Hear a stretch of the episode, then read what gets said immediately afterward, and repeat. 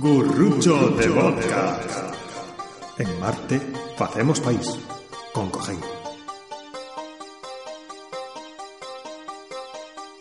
Moi boa xente, damos vos a benvida a unha nova edición de Gurrucho de Podcast E empezamos como sempre por presentar os gurrucheiros que estamos hoxe aquí E comezamos como sempre por presentar a noso experto en asuntos italianos Que está facendo ruido eh, para variar eh, Fin, que tal? Hola, moi boas, que tal? Está tamén con nos Paco Que desta vez deixáronos sair do seu reclutamento, que tal? Hola, hola, moi boas a todos e todas. E eu son Héctor e vaise reincorporar, reincorporar non, incorporar o noso como se di, cando estás no, no Corresponsal. corresponsal en Cataluña o tío Franco Vianseiro, pero bueno, non sabemos moi ben cando, en breves momentos e comezamos aquí entón un novo burrucho de vodka.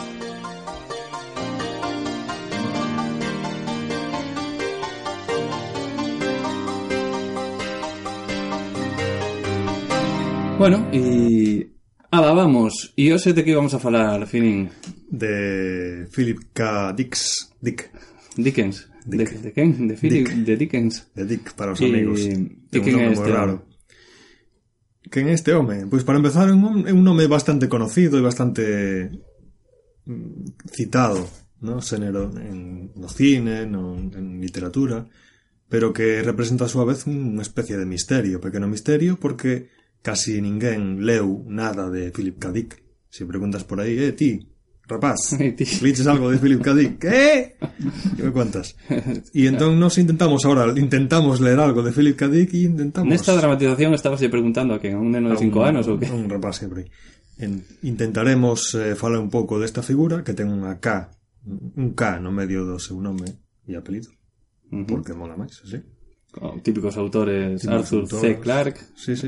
HP, Lovecraft. Bueno, H, H chamase H, ¿no? HP Lovecraft Entón intentaremos arrosar un pouco de luz sobre este autor americano. Moi ben, pois antes de comezar imos introducir o noso tema con esta canción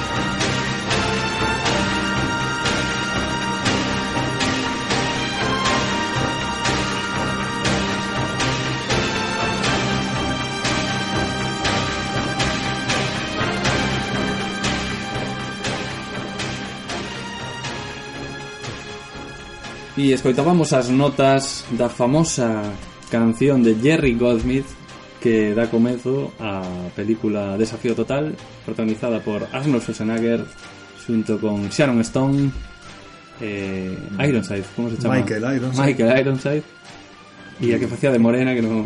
Ronnie Cox ¿no? Ni idea. Cohagen. Ah, vale, vale. Cohagen. Eu falo de Melina, Melina, a chavala Melina morena. é unha latina, non me acordo o nome. No, eu tampouco. Mm, A verdade, non. É unha actriz semifamosa, Sí, pero non ten así moito currículum. en España, quero decir. En América sí que ten moito. non traballou con Almodóvar, non? non foi rapaza Almodóvar, raparica Almodóvar. Semi-conocida. bueno, comezamos entonces con mm, co tema que vimos a tratar. Pusemos a canción de Desafío Total porque precisamente Philip K. Dick escribiu un relato Sí. no que se baseou esa película. Desafío Un temazo Total. este tema de hoxe que non sei quen o propuso. debe, debe ser alguén que está no estranxeiro, sabes? Debe ser. Eh, sí, escribí un relato sobre Desafío Total. No, ao No. revés. Primeiro escribí un relato... Eh, por que vamos a decir isto?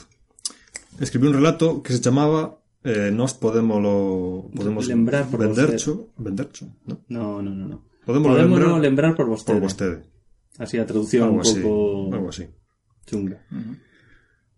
E que de alguma maneira lle gustou a non sei o nome agora, a Verhoeven, pode ser. Pero antes xa iban a facer con outro director e non saiu o proxecto, que non quiso ver joven. Pero non vamos a falar desto agora. Vamos a falar un pouco da vida de, do señor Philip K. Dick, non sei por que te vamos a falar agora do desafío total. Pola música. Miña colación. ¿no? Sí, eh. sí, pola música. Eh, como ti, como experto en asuntos italianos, falanos un pouco da vida do señor Philip K. Dick, que é unha vida así un pouco curiosa, non? A ver, naceu en 1928 en Chicago E andivo, andou un pouco así as voltas. Naceu ali, os pais se separaron, foi coa nai, non sei se foi a Colorado, bueno, estivo por Nova York, de voltas. E o que podemos destacar así da súa infancia foi algo con unha especie de trauma que el dicía que tiña de maior. Tivo unha irmá melliza, creo que se chamaba Jane, e que morreu aos poucos meses Non sei exactamente por que morreu, algúns dicen que a nai os tiña un pouco mal, mal alimentados, outros dicen que lle foi poñer unha bolsa de agua quente na cuna e se lle esparramou e queimou a rapaza, el tamén o queimou, pudo morrer. Entón, ese é unha especie de trauma que decía que tiña el. Non sei, lle contaron esa que historia. Que se lembra con poucos meses? Ou... Sí, sí, eso dice, pero bueno, tamén dicía moitas outras cousas. E moi pouco máis podemos decir da súa infancia, decir que o mellor con 10, 12 anos empezou a ler esas revistas baratas de ciencia ficción, tiña por aquí algúns títulos, pero os títulos se refiren máis ben ás que editaron os seus relatos, a ver, todas eran así destes tipo. Planet Stories, historias de planetas, magazín de fantasía e ciencia ficción, Thrilling Wonder Stories e cosas así, é decir, revistas baratas, un pouco como que como superhumores e estes eh, estas cousas que conocemos, que non sempre citamos o oh, como se chama? Ok, a... No, este tipo de literatura así... Pulp. Sí, pulp, exactamente, pulp.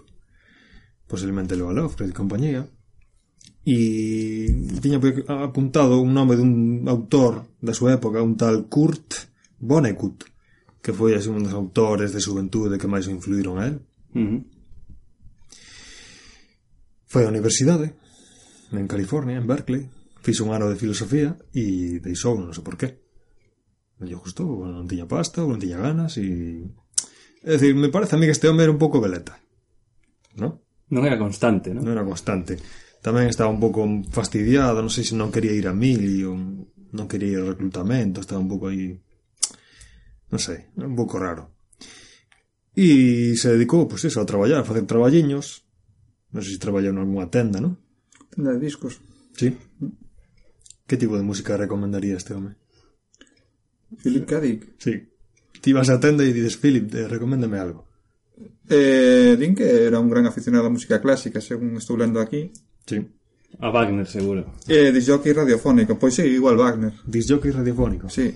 Wagner. Igual, os contemporáneos. No, Wagner era un, era un, era un compositor. Entonces, Bueno, a ver, veña, Finín, continúa co túa a, a ver, que moito máis non podemos decir Que se casou como 4 ou 5 veces mm. Tivo dous ou tres fillos E, de feito, un dos problemas que sucedeu cando morreu Foi que hubo un pouco de confusión e de discusión para ver quen levaba os derritos de autor como se repartían.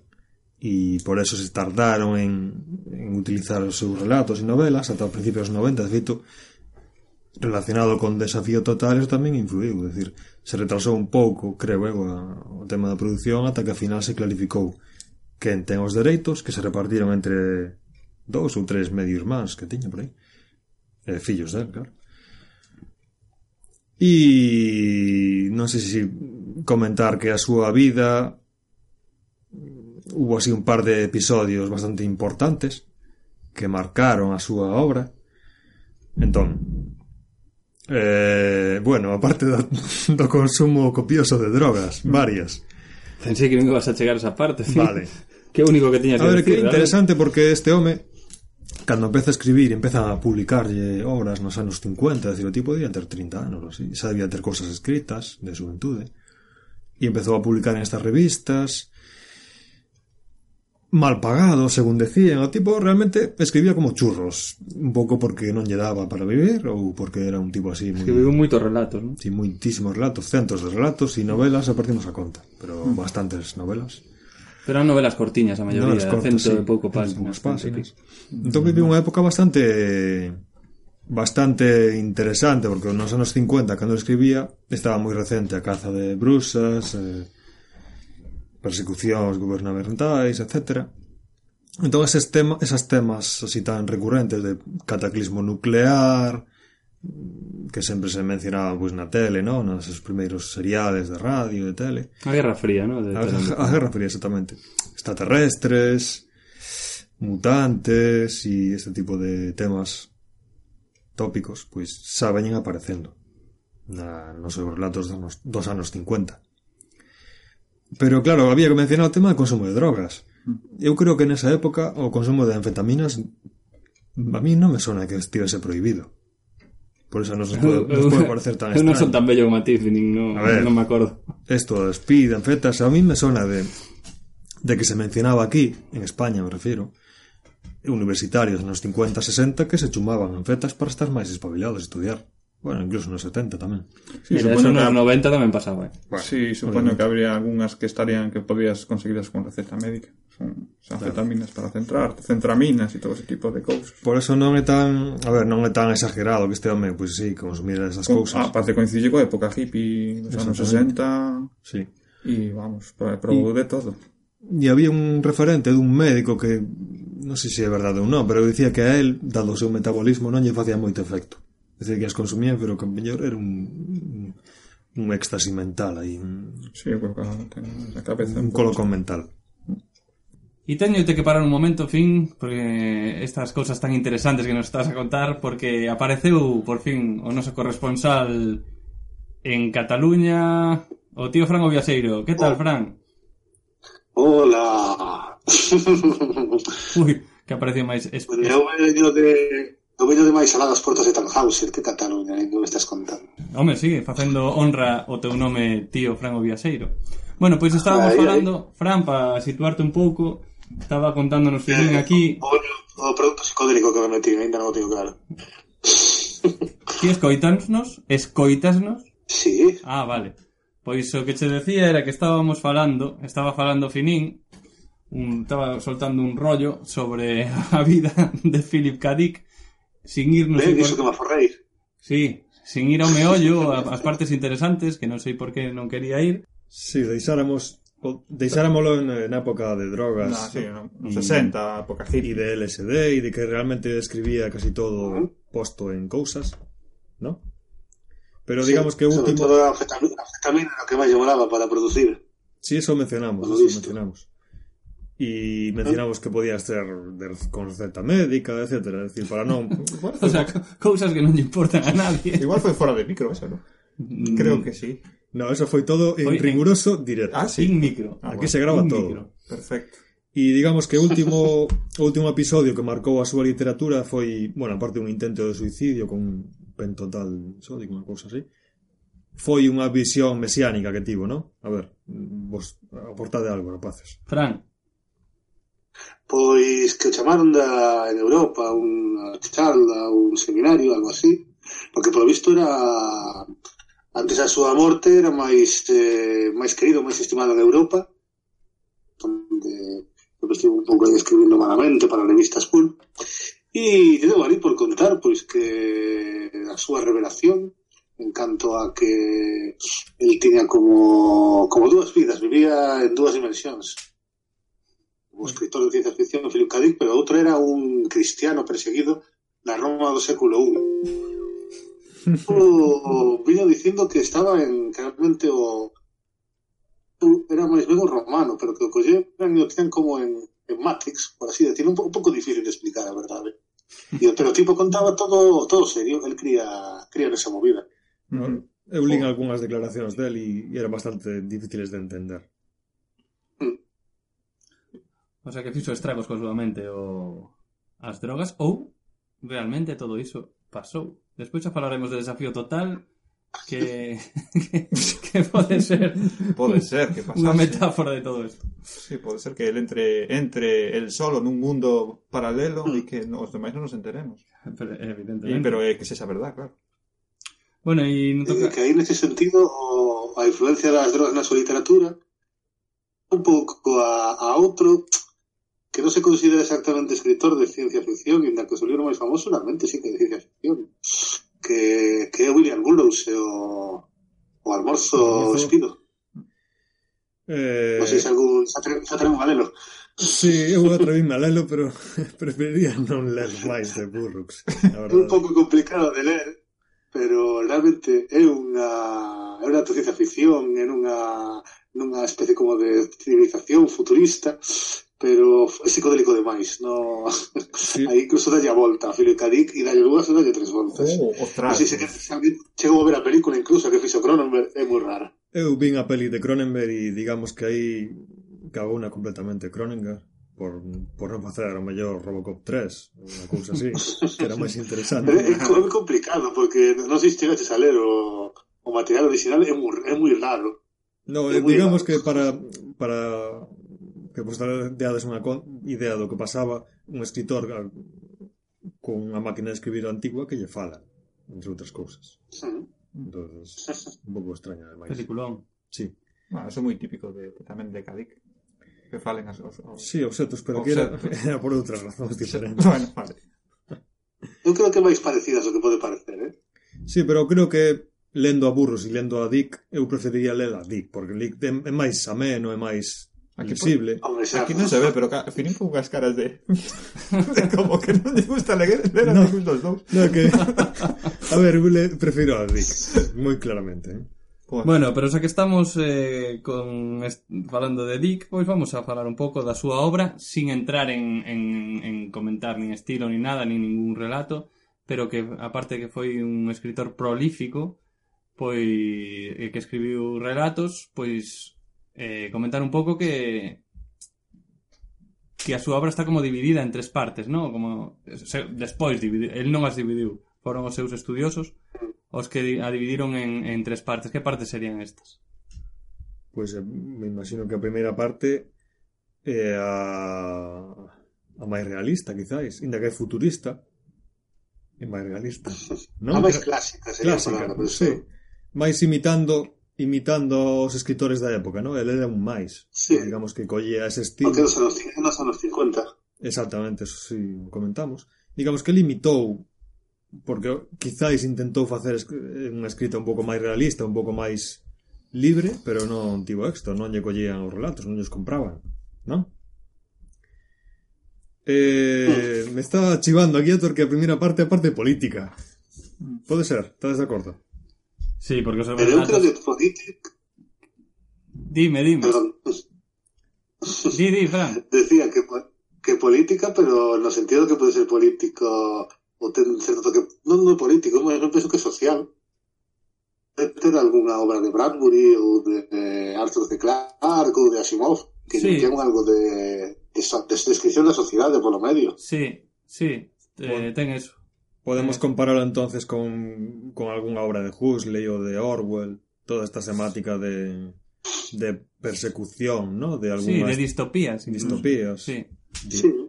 Y de ucronías. Pero bueno, eu penso que iso que o, hai un pouco contemporáneo de, de Asimov, de Arthur C. Clarke, de Guy Mm. Bradbury, O sea que él sería de un, sería un escritor, Tería outro máis, un contemporáneo. sería un mainstream ciencia, da ciencia ficción contemporánea, non sería un tipo que destacase así peculiarmente. Sí, sí, sí, sí, Uh E máis, eh, o seu gaña, gaña a principios dos 60 un premio a Hugo, que se considera o bueno, sería, non sei, como Nobel da ciencia ficción, entre comillas, polo, pola novela esta do Meno no Castelo, que é unha ucrania. Sí, sí. sí. Despois tería unha etapa máis metafísica, Dixetes antes que estudiou filosofía un ano, sí. igual quedou aí un pouco. E que aí, o que din eh, é que eh, fixo unha especie de pupurri mental de influencias do que eu le, do que tipo leu e estudiou na universidade sobre filosofía clásica, metafísica, Platón e, e teoría do conocimiento, etc. No? E lógica. E que tratou de alguma maneira de incorporarlo na súa obra. De unha forma un pouco... Non creo que fose moi explícita, pero sí que intentou meter temas recurrentes. No? De aí o tema de, por exemplo, é o mundo real ou non é real, é dicir, os sentidos son os que definen o que nos percibimos como mundo, pero realmente hai outro mundo que é diferente, ¿no? Mm. Na caverna. non sei. A caverna do, Os os, do do, os do chiringuito, Real Madrid. os do chiringuito non, eh? Son, son. Ah, vale. E despois unha terceira parte que se denomina como mesiánica. Que aí é cando lle, xa lle dá o jamacuco, xa, ¿no? Sí. E como sería esta parte, máis ou menos? Pois un pouco unha loucura, porque eu aí xa non me quixen meter. Tiña, tiña por aquí un par de obras, que era unha triloxía de finais dos 70, principios dos 80, que era Valis, que non sei o que, outra é a Invasión Divina, e na verdade que prefiro non meterme en ese tema, aportade vos, por favor. Eh, que eu creo que a, as tres etapas nas que se divide eh, sería a los 50 a pouca droga, a los 60 moita droga, a los 70 a sachete coa droga. Sí, perfectamente. Sí. bueno, eh, nos, na última etapa está eh, mostrándonos as súas revelacións, ¿no? O, sí. o camiño que temos sí. que seguir para salvarnos. É un chega, mesías. Chega un momento no que incluso el mesmo ten, pensa que ten brotes eh, psicóticos, esquizofrénicos leva un pouco un diario para, por si acaso, e, pero por... estas visións que ten, como que, que é un cidadano humano, que lle ven a falar un espírito ou tal, por un lado as cree, porque as ve, pero por outro tamén eh, chega a dubidar eh, de, de si é tamén tá droga que cometeu. Mm. Eso reflexa... De... Que un poquinho de... Eso reflexase nos relatos en algún dos, das, sí. dos seus personaxes que tamén duda a veces pensa, estarei eu loco, non? Sí. Pasa eso. Y, pero sin embargo, a este hombre nunca metieron un manicomio, creo. Eh, bueno, estimo rehabilitación. Estimo eh, clínicas de pues, rehabilitación, que puede ser algo parecido, pero digamos que no, no ingresaron nunca por... Y los intentos de suicidio que tuvo fueron precisamente rehabilitación, que eso disaba. Uh -huh. Y ahora estoy acordándome de, de Bukowski, porque escribieran un libro o algo sobre... Este hombre también le pegaba bastante a las drogas, bueno, alcohol y bueno, era máis clásico, sí, que era máis clásico. E decía que en relación á escrita, que para él como escritor, digamos que as drogas quitando o alcohol, a única que lle funcionaba para escribir era eso, o alcohol, as demais non valían. Dicía, no, a mí eso non me va, os porros e o éxtasis, mm. non me vai. A cada maestrillo ten o seu librillo. Efectivamente. E bueno, tamén se fala de que ten influencias de Jung e do da, do seu método sabedes algo desto? Fran. Eh, Non, non, non tanto. Eu Jung... supoño que si que alguna teoría tería o tipo pero lle miro máis eh, que me pensaba moi científico. O de Jung cando ti elemento que vai eh, según avanzan os anos volvéndose máis espiritual e menos menos científico, por así decirlo. Mm. Non, a, onde, non acabo de ver o, o, o radice psicolóxico que, É ser, pero el, pero el de pequeno sí que foi a un, a un psicoanalista, pero dos do método de Jung, que non me, non me lembro agora como era, era análisis psíquico ou algo La así. plan. Os arquetipos. La plan, Kaplan. No, no, Jung. Jung. eso está expresado no, no test Boykamp ou que? No que? No test Boy Camp de, No test Boykamp, de Blade Runner. o que lle fan os replicantes para, para ver se son Ah, humanos pois ou non. pode ser, sí, pode ser sacado de Jung perfectamente. Mm. Pois a verdade é que eu, dentro do que lín, non, non sei se se atopar esas, esas ideas de psicoanálisis. Claro, non, non somos especialistas. Lemos bueno, que Jung, Jung non é pero... psicoanálisis exactamente. No, no Jung no, foi... Se basea máis nos arquetipos, no que hai unha, hai un, hai unha corriente universal desde donde todo pasa pasado que influe. O sea, os arquetipos influen desde sempre na actualidade, non ten que ver con... A ver, eso me sona, por exemplo, de eso, de los arquetipos y de, conciencia colectiva. La ciertas cosas en nuestra cabeza que están en todas las cabezas. Efectivamente. No sé si, si se puede aplicar a Jung en, en porque Cádiz tiene una, una cabeza personalísima. Es decir, eh, a saber cómo metemos a Jung ahí. Puede meterlo él. Él puede meterlo porque, claro, él es capaz de meter cualquier cosa, es como un mago. El de repente estás lendo e que para tapar, bueno, son cousas que falaremos despois no estilo, pero ten tanta creatividade, ten esa cabeza tan chea de, bueno, de química que bueno, metería a Jung, o mellor creo que un, un jersey a rayas. Que un, un método bastante un método, perdón, un mérito bastante bo deste home que ten moita imaginación. É moi creativo, quizáis demasiado. Uh -huh. Quizáis demasiado, para meu gusto demasiado. Que decir, hai cousas... Bota por fora esa cabeza que vaiselle a, vaiselle a olla totalmente. Cando estás contando unha historia, claro, el como xa, ten, xa está convencido da súa verdad, xa sabe, pero para contar toda esa, creo, todo ese mobiliario que ten na cabeza, creo que se bueno, pasa. Bueno, de todas maneras, ese, ese rollo da súa verdade e tal, eh, vai na última época, nos 70, eh? Sí, pero bueno, xa se... Que no, Probablemente... non está tan grillado, nos, nos 50 60 non está tan grillado, mm. e, e máis, ao principio que se mete eh, a anfetamina, mm máis. É dicir, para a razón pola que Stephen King se metía cocaína para escribir mm. máis. Sí, eh, supoño que a súa literatura dos 50 ah, non a eh? eh como máis máis crítica, co máis social, máis para preguntarse se si realmente eh, a sociedade que vivimos está ben ou está mal, é máis reflexiva e despois foi metendo yeah, máis a fantasía. Ten, sempre ten, dentro da ciencia ficción é máis adaptable realmente moitas das adaptacións que se fixeron da obra de, de Cadíque nesta primeira etapa mm. Bueno, e ele era tirando a de esquerdas, ¿no? tamén hai que comentar isto e hmm. reflexo tamén nestes primeiros relatos. E agora para ir rematando co primeiro bloco, porque xa estamos en tempo, vai nos ler aquí o noso experto en asuntos italianos un pequeno fragmento dunha obra de Philip K. Dick. Adiante, fin. Vale, unha traducción Feita a correr. de calquera maneira. Eh, o relato de Ubik. Non sei se o lestes. Eh, No, Sona vos de algo? sí. Sóname, pero sí, moi ben. Vale, simplemente eh, para introducir un pouco o estilo deste home e para que vexades así como escribía, nada máis. Vale. Ubik. Ose toca nos facer limpeza, amigos. Estes son os descontos cos que liquidamos os nosos silenciosos Ubics electrónicos. Sí, tiramos a casa pola ventá. E lembren, todos os nosos Subics teñen que ser usados de acordo coas instrucións. Ás tres e media da madrugada do 5 de suño de 1992, todos os videófonos puxéronse en funcionamento. O telépata xefe do sistema Sol caera do mapa situado nas oficinas de Runciter Asociados en Nova York. Durante os dous últimos meses, a organización Runciter perdera a pista a demasiados psicos de Hollis. Aquela desaparición non causaría demasiada sorpresa. Señor Ruciter? Eh, sinto molestalo. O técnico encargado do mapa na quenda de noite falou nerviosamente entre carraspeiras mentres a voluminosa e desleixada cabeza de Glenn Runciter emerxía ata encher por completo a videopantalla. Recibimos novas dun dos nosos inerciais. Eh, a ver... Eh, Rameseu un desordenado feixe de cintas de gravador que recibía as comunicacións do exterior.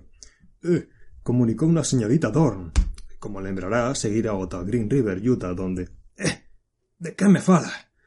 Non podo ter sempre na cabeza que inicial está seguindo a que telépata ou a que precognitor.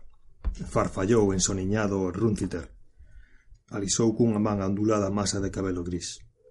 Deixese de lerias e dígame caldos eh, de Hollis e o que falta. Agora.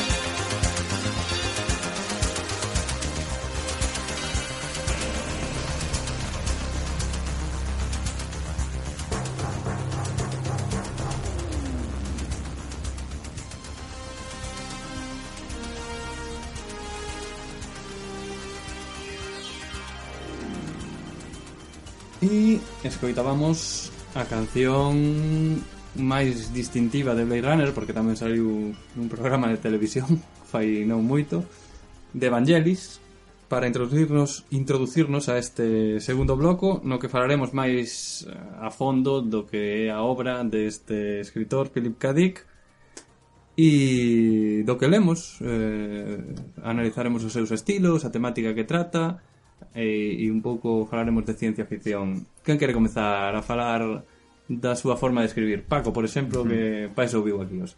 Bueno, eu a verdad que lin ben pouco.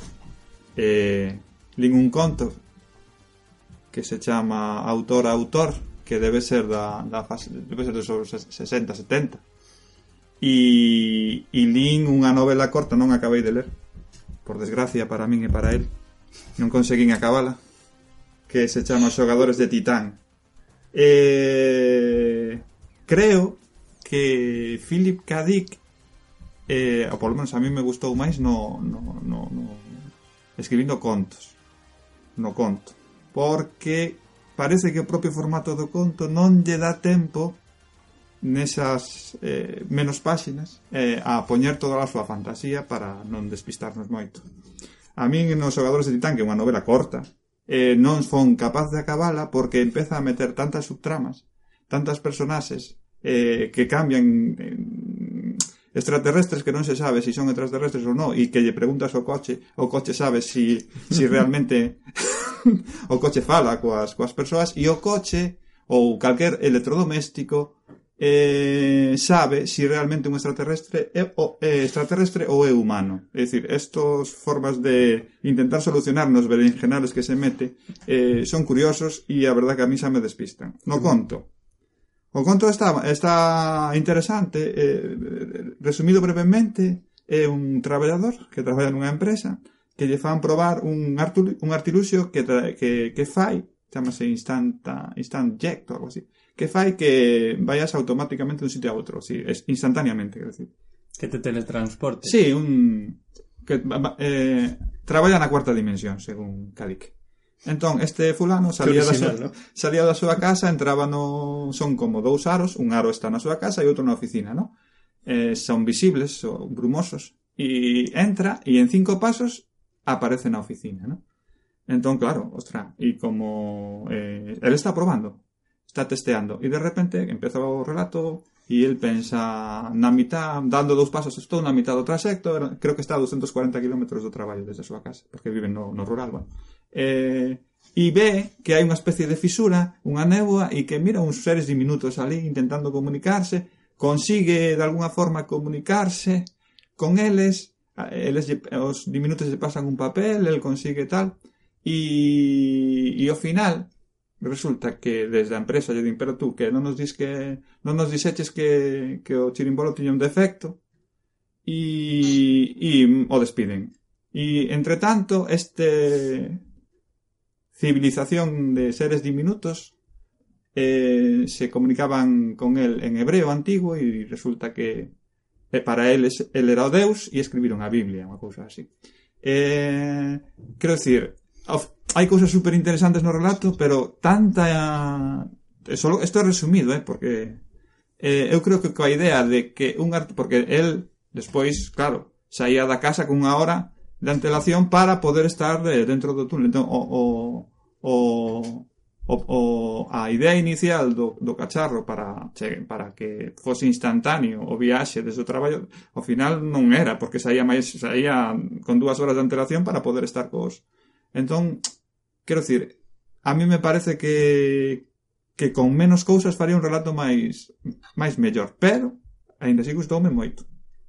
É dicir, eu penso que ten tanta tanta información que non é capaz de dominala, non ten falta de meter tixeira, o sea, a súa capacidade como autor eh, está limitada por a súa ilimitación de, de, de, de datos e cousas e fantasy pola súa exceso de creatividade, esa é a miña opinión. E hai que sei. mencionar que este relato autor-autor Que? Chamase autor-autor sí. relato. Hai unha versión, unha película española atopade. Pero non sei se esa película ten que ver co Cádiz. Eh, eu creo que sí. Sí? Sí. Ah, vale. bueno, eh, eu quería comentar tamén, dixaxe que te gustou máis o relato. Sí. Porque eu creo que no relato o estilo el escribe dunha forma así como moi moi moi sinxela, mm. con párrafos moi cortos, frases moi cortas, hai moitos puntos, digamos, non hai poucas frases subordinadas destas que tanto sí. gustaban a Lovecraft. Va, sí, no, el, é moi vertiginoso. El dialo mm. dialoga moi ben, eh? o sea, sí. el, el ten unha o que conta o conta ben, o que pasa que moitísimo ritmo e moitísimo ten, diálogo. Sí, o que el non profundiza nos personaxes, por exemplo. El dalle máis importancia a unha, a unha tostadora que a auto, realmente os seus personaxes son moi son estereotipos, menos hasta, bueno, que eu poden ler que foi ben pouco, o prota que sempre é un tipo con tendencia suicida. O sea, tampouco é moi original porque debe ser un reflexo da súa vida. E despois é ultra machista. As mulleres que, bueno, igual, supoño que será un reflexo social. Sí, eu penso que sí. Eh, pode ser unha crítica e eso cada un opina o que el casouse unha, unha chea de veces, non sei, casouse cinco ou seis veces. Eh, para min que el é super machista ou ben unha crítica, non sei, cada un que opine. Eh, Pero aí hai un... Bueno. Eu non, creo que non lle dá importancia aos personaxes. Na, na, na novela, os xogadores de Titán son todos pff, como comparsas, non, non paran un segundo en, en, en darlle un matiz Nada, e as non mulleres lle, non lle dá tempo porque lo que lle non, importa, claro, o... lo que lle importa é a trama, a súa a súa trama, a súa o que trama, soltar toda esa largada de cousas que ten na cabeza. Entonces, claro, non, non se pode parar. Entonces a novela aí, eh, fu. Por eso é tan atractivo para para facer cine, para facer versións Como... en cine, porque ten tramas moi potentes, ten eh, tramas moi originais Super potentes, pero claro, de 15 ten premisas, ten premisas interesantes aí, iso é certo. É que de 15 cousas que dá, sacas unha guapa Entón en cine, como poden meter tixeira, hmm. entón sacan, pero claro, na novela o lector, a min fun capaz de acabar, en serio, eh? no, que va. Non sei que tal será a serie esta que fixeron sobre Álvaro Castelo, pero probablemente hmm. dea máis para serie que para cine, incluso. E, eh, que é unha serie, o Meno Castelo, unha eh, serie. Sí, o Meno Castelo é unha serie, por iso digo. Pero ese... Porque o que di, eh, o que di Paco de, de moita creatividade e tal, eu creo que realmente é unha decisión estilística que vai a acumulación Mm, sí. No sentido de comediar outros, así como outros autores eh, como Asimov ou Arthur C. Clarke se podían explicar un pouco máis para que fora todo pausible, onde mm. sale unha tecnoloxía, onde sale unha movida. Mm. Eh, Phil K. Dick, no. Eh, vai un pouco máis simple, pero vai acumulando como premisas, premisas, premisas interesantes. Sí, o que pasa... Por exemplo, mm. a mí me, por exemplo, o, o que link o da, será cos androides soñan como bellas eléctricas, mm que, bueno, pero sí que é certo que se si logo tens que contalo, resumilo, pois hai unha serie de premisas e premisas e premisas que se fai longo resumilo, por así decirlo, sí, e que obviamente pois iso queda fora da película. Sí, el ten unha base tamén, non? da que parte que, que parece que o lector ten que saber porque non se vai a poñer a explicar eso no, que ti dis. No, no, no, non é tanto que teña que saber, como creo que está como que fai un ambiente, unha música. Sí, crea un fondo, é un fondo. Non che vou explicar isto, mm che vou explicar isto, pero te, para, que te metas en ambiente. Pero despois el ten pinceladas. Ten pinceladas que Mm. que, que xa, xa compensa todo esa, toda, toda esa historia que te está metendo que sobra. Ten pinceladas que son realmente logo, geniales. Mm. Entonces, e de, de, de apreciar son dos personajes, mm, Eh, eu creo que o, o problema, o sea, o problema, creo vuelve a ser algo creo que estilístico, en plan de ou decisión del ou ela é o que lle dá. Que os seus personaxes, incluso os seus héroes, que non son héroes, o sea, xente mediocre, sí. xente vulgar. sí, É dicir, non hai nada heroico, nin nada con doblez, nin nada... mm, E, e o único que tal é a, a paranoia que poidan ter eh,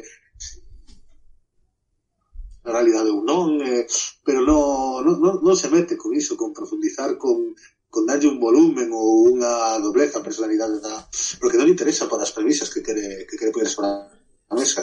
Sí, pero dentro da... A ver si... Me parece, sí, que unha... Supoño... Eh, enténdote perfectamente e supoño que será unha estrategia del, porque quere facelo así, supoño que tamén será polo asunto dese pesimismo, esa... Facelo ou ere o que lle dá, pero eu penso que é estilo.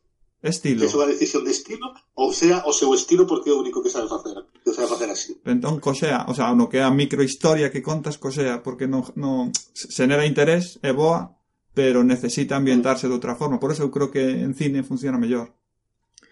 Penso, eh? Pero creo que en cine moi, moi poucas, moi... é complicado porque ten moitas premisas e moi po... ese xogo por acumulación que decía vai que el cine tienes que limpiar a broza para poder adaptar algo Claro, pero é que esa broza a ti como lector non a podes quitar.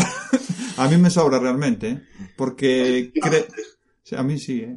porque non eh, a lei de, de, de economía se la salta porque parece como o sea, eh, le, le pinto unha decisión estilística porque non che creo que simplemente non te gusta ese tipo de, de relato creo eh, padece de eh, muy barroco, moi por acumulación. No, ¿eh? barroco non é, non parece. Cortos, pero no, barroco ideas, no, sí, certo. barroco non é, barroco, barroco non é, Héctor, eu creo que Héctor dixo, eh, no, é rápido, eh, ten guioniza ben, escribe rápido, non non se recrea. Pero é barroco. Non se barroco no sentido de Quevedo, non no sentido de Góngora. Sí, claro, barroco en no seu mundo, o seu mundo que como esa base que a veces sí. que ti cando, eu solo lin dous, e creo que ese mundo o ten, esa base a ten e sempre a conta, eh? E non é necesario que estea presente esas subtramas todo o tempo para decirte que estamos en un sitio mm, guapo. O relato que, es... que acaba de ler Fin, ese cacho de relato de mm. Ubik, mm. aparecen os precogniscentes que tamén son claro, a base sí. da, do seu relato eh, eh. a, que deu pé a película Minority Report. Entonces sí claro. que ten unha especie de, de base. Ten un mundo aí. Ten un mundo que, que, que moi para... amplo. Sí. Que... Pero... sí, sí, Fran, sí, sí. Digo que ni eu solo un. Decía que, y ese é solo un dos temas dos que trata Ubik. Mm, sí, sí, claro, claro, claro. Pero, quero dicir, no, no... Es decir, que digamos que, digamos que con Ubik podes facer tres películas. Ou cinco. Ou catro. No, no, conto que lin eu, de autor a autor, podes facer 15. Porque a min a idea de facer un artiluxio que te vai levar eh, de forma automática o teu traballo e que despois resulte que tardes máis tempo dentro porque te interesa o de dentro, xa me vale para facer un conto. A mí xa me vale. Decir, e despois todo que engade que es el dios de los tal, mi má, eso tamén mola e despois tamén mola, pero eu non sei se si me, si me, si me entendedes, pero a suma de todo, o suma todo, Sobrecarga. sobrecarga, no conto no, pero nunha, nunha novela a mí me matou, en serio. que está guai, que a mí me, me gusta, eh, e nunca lera, pero eh, creo que soporto mellor a, bueno, as adaptacións eh, cinematográficas. Lo que decía antes é que Dentro moi, que me gusta, moi eh. poucas pelis son fieles a, a obra de Dick. Porque Es decir, casi todas as pelis complicado. eh, teñen, vamos, variacións Y importantísimas. se basan en premisas moi moi cortas. Exacto, y se basan en ideas, en... Sí, en Es decir, que pequenas. este daría para ser, cousas brillantes. daría para ser un bo guionista posiblemente, pero un guionista de eso de series. Ya me sé o que decía Paco, te, os, os, os, diálogos son moi vos. Son vos, o sea, son vos. Eh, eh, eh, Conta a través do diálogo moi ben. Moi ben, sí, sí, sí. El, el realmente nesa faceta é guionista, pero na de ser guionista de verdad tes que meter tixeira. Claro, porque... pero un equipo de guionistas se sería o primeiro, logo sí, metían sí, dous ou tres. Logo sete para facer 20 contos. claro, no, faría 20 dun, sabes? Cando foi con Blade Runner, que debeu de ser unha da, a primeira adaptación de algo seu, aparte con el Inda Vivo, eh, o Pretito tivera problemas a non lle gustaba. Logo quedou encantadísimo. E quedou encantadísimo tendo en conta que queda moita cousa fora do relato. Eh? Mm-hmm. Mm -hmm. Hai moitas diferencias entre a película e o relato, na que hai unha serie de premisas comuns. Mm -hmm. Pero, uff, son moi diferentes. Tamén li moi pouco del. E en parte eu creo que me, lem me lembra A ver, a ver se si conocedes a este Raymond Carver. No, son desta liña bueno, de realismos son da misma da escola, sí, mesma época máis ou menos, contemporáneos, desto que lle chamaban realismo sucio, e xogaba moito con eso, con moito diálogo, moito diálogo, e non se metía en florituras, ¿no? Digamos que aí sí que se parece bastante. A ver, si sí, non é barroco na floritura no, na estilística de Adorno, no, pero puf, Pero vamos a ver, neste conto que li, por exemplo, el di que estas, esta civilización diminuta debe medir sobre un, un centímetro e medio, pero despois sigue tal, e el describe os rasgos, a roupa, nun centímetro e medio. Despois incluso mete que mete con calzador que vai cunha lupa, sabes? Se meten tantos berenjenales que ao final soluciona con chapucillas, que dentro dunha novela dice, ostra, pero nun relato quedan como que sobra que non é necesario. Eso era para decir que realmente son humanos, revés, se parecen no, a nos. Na novela sobra e no relato Vale. Claro, na novela sobra e no relato canta moito que non é, non é necesario. Mm. Canta máis, na novela home, po, mm. podo xa meter. Bueno, falabas Cans... Fran, falabas Fran de, de que Blade Runner foi como así a primeira adaptación Porque él realmente eh, en vida non, non tuvo éxito real, ¿no? Ganou o Hugo un par de veces, pero non era coñecido fora deste mundillo de, Estaba de ciencia ficción. E era... De nariz, empufado. Sí, mm, sí, sí. sí. E, Mas, y... eh, tiñe unha certa amizade ou agradecemento con Robert Henley porque lle tiña prestado pasta en alguna ocasión, ocasión na que él estaba apurado e o, tal, o tipo decía en plan de as súas ideas e a súa maneira de facer relatos son, con, sabes, o contrario que fago eu, pero son tipo de puta madre. Hmm. De Heinlein que falamos no, no burrucho da máquina do tempo. Da máquina do tempo, no, do, de días es no tempo. Sí, daquel relato sobre un home que se convirte en muller e logo un home, algo así. Sí, pode ser ese. E tamén o, Os como le chamo o polaco? Eh, Lem, ¿no? Stanislav Lem tamén sí. o defendía, tamén decía eu era... que... Eh, tengo un problema con esta, unha polémica con Stanislav Lem, eh, porque por visto Stanislas Lem sí que le molaba moito Philip K. Dick e incluso chegou a, a traducir ao polaco unha, unha obra de Philip K. Dick o, se ve que logo non foi capaz pola culpa da Guerra Fría e os dous bloques e eh, tal eh, de conseguir pasarlle beneficios a, a Philip K. Dick que Philip K. Dick un pouco se, se chinou con el Noble era que quería que os polacos sacaran do, do ollo.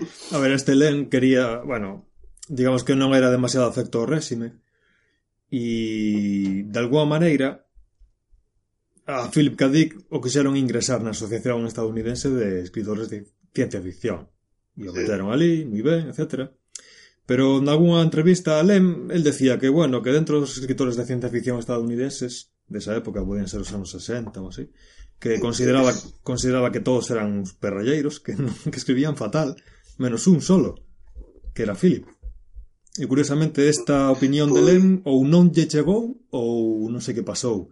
Pero eu Lem... creo que, que ten que ver co, co pique este que tivo polos dereitos de autor porque tamén o, o, o, o, o Lem este tivo unha correspondencia unidireccional na maioría dos casos e nos 70 eh, esa correspondencia eh, ya pasar, non sei se era FBI ou algo así o, o propio Philip K. Dick porque decía isto é un complot comunista que me queren aquí liar e non sei que movida Si digamos que consideraba que Lem estaba inmiscuíndose a través da ciencia ficción e que era un comunista e que sí que quería meter algo aí de, de baza. Fran, no. temos que gravarnos para que miraras a cara de Finin cando o cortaches fai un momento. puxo a cara de, de non quererche ver. Que pena. bueno, e en canto a tema... Que contei eu. Como? Repite. Que non me digas que Filipe quería contar o que contei eu. Que... Algo así. te me adiantaches, cabrón. Todo máis rápido. Bueno, está en Cataluña, entón vamos a... En Cataluña sodes máis progres, por eso vas ti por diante. Más proactivos. Ahora, ahora Filipe vai, vai, vai me odiar, igual que Filipe día. Bueno, eh, chinar. en canto a temática, un pouco que xa comentamos, ¿no? que ta, trata o tema de ucronías, este análisis da sociedade que falábamos, e trata moito da mente, do que é real e do que non é real, e eso pode ser ver en varios dos seus relatos. Eh, falábamos de desafío total, e nese que sí que lin eu o de podemos lembralo por vostede, sí que trata moito ese tema de de si está nun soño, si o que lembra, o que lembramos é real, non é real, no? É un pouco un tema bastante filosófico, no? En mm. plan, somos o que lembramos, somos mm. somos o que se, o presente, existe pasado, existe futuro. E despois tamén entra o tema aí da loucura, porque o tipo chega un momento que se que se que dubida de si sí mesmo e de si mm. estos foron os de Recal, os de os de Memory Call, digamos, ou ou eu que estou tolo. ¿no? Eh, o tipo, entonces nese, nese relato pasa todo eso. Despois hai unha segunda parte do relato que ten que ver cuns alienígenas en forma de roedores, creo que é. que eso... que eso, no, eso, eso forma parte fundamental da trama, ¿no? Eso es, sin eso non se entende. bueno, é unha cousa así, non sei non sei, é un engadido que lle dá, oye, o relato dalle dalle un peso aí específico final. Sí, no, so. Pero na película, claro, non sale por ningún lado, e a película realmente solo colle así un par de detalles da. Mm. Sí, eu creo que que fala moito da. É Marte igual que na película. Como?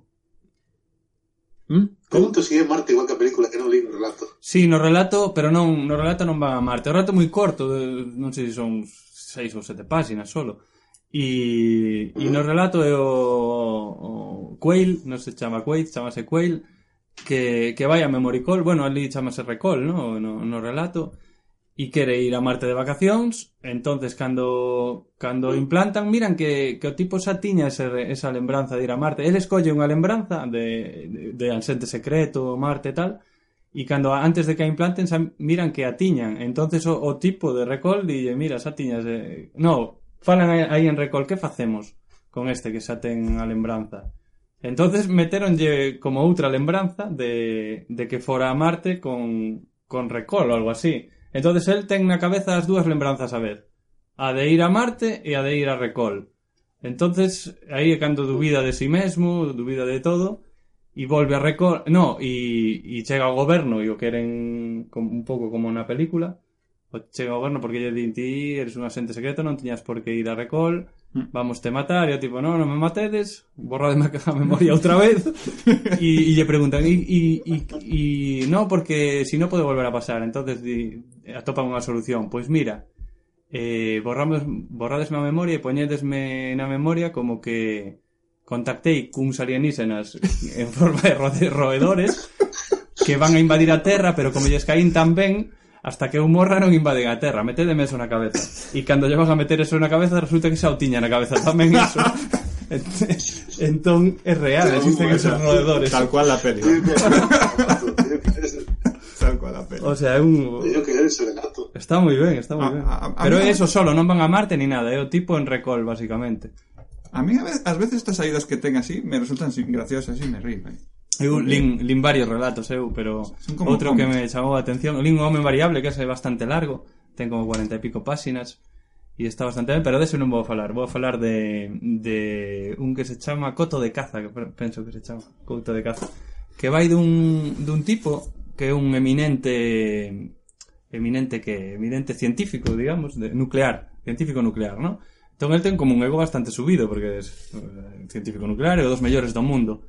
Entonces de repente está na casa coa muller e mira pola ventana, pola fiestra, mira un ollo xigante que está mirando pa el. Entonces acojona, se vai a falar con outros científicos, colegas del, e lle din, claro, esos deben ser uns alienígenas que nos están espiando. Él es todo todo bastante racional, ¿no? Que din, claro, están nos espiando para tal, e é normal que te espíen a ti porque ti eres un científico moi importante, entón queren aprender de nós para poder invadirnos e tal, entón o tipo ao principio dice, no, tal, pero despois empeza a ver como ve, mira un lingote de ouro na carretera, entón non quere parar porque pensa que un que un cebo, un cebo precisamente. E, e entranlle para, no? e, entón acaba escapando, no? E o tío dicindo pero eu son un científico moi importante, tal, teño que conseguir eh, eh librarme de, destes cebos que me están poñendo, unha rapaza tamén lle poñen que pedindo axuda, así varios cebos. E ao final de todo, cando xa o collen, se ve que cae nunha rede e tal, e digo tipo, bueno, a ver, entón a ver estes tipos, estes alienígenas, no, todo isto da conversación que se que tivera cos colegas. O sea, non, el non sabía nada realmente. A ver estes alienígenas que, que me contan e tal, que a ver se si podeu aprender deles, tal, non sei canto. E ao final mírase que, que dous tipos falando e dice, mira, ao final fomos o pola máis gordo, porque o tipo era, era gordo, vamos a polo máis gordo e ao final van méteno nunha sartén para comelo. O sea que eran como cazadores alienígenas gigantes de outra dimensión ou algo así. E bueno es, ese tipo de rollos así un final absolutamente inesperado. Sí. Son como moi cinematográficos todo. Hmm. como muy... a mí lembrame moito a, a precisamente estas series que había nos 80 tipo Amazing Stories... Mm. Eh... Mm. Que son... Pues, había nos 50 realmente. Tamén, sí. sí Weird Tales, no? Eh, Dimensión Conto a Dimensión Desconocida. Sí, todo ese rollo eh, ten moito que ver con Cadic máis que ciencia ficción. Que tamén, pero mm. pero vai máis por eso, pola trama e polo polo xiro final, no? Por sorprenderte ao final. Mm. Por lo menos nos relatos. Que mm. lin. Sí, nos relatos, sí. Entón certa esa, eh, eso que sona por aí de vez en cando, que o tipo era mal escritor. Porque se escoita a veces, non? Este tipo sí, escribía mal. Bueno, eu escoitei eh, críticas. Eh, eh. Mesmo.